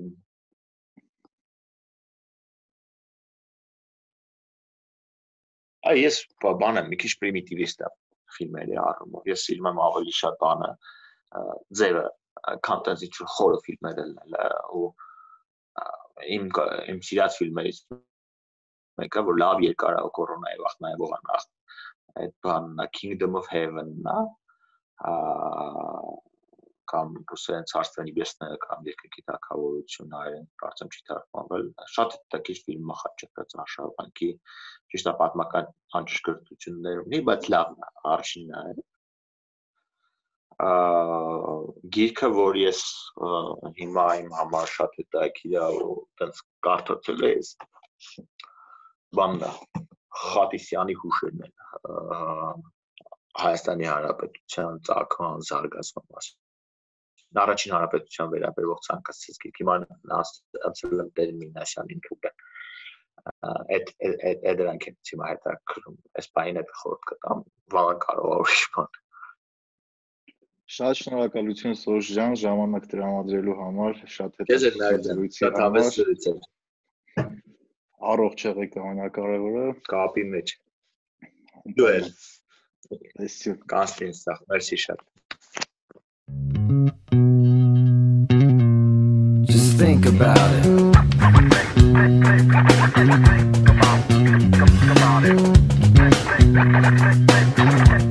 Just think about it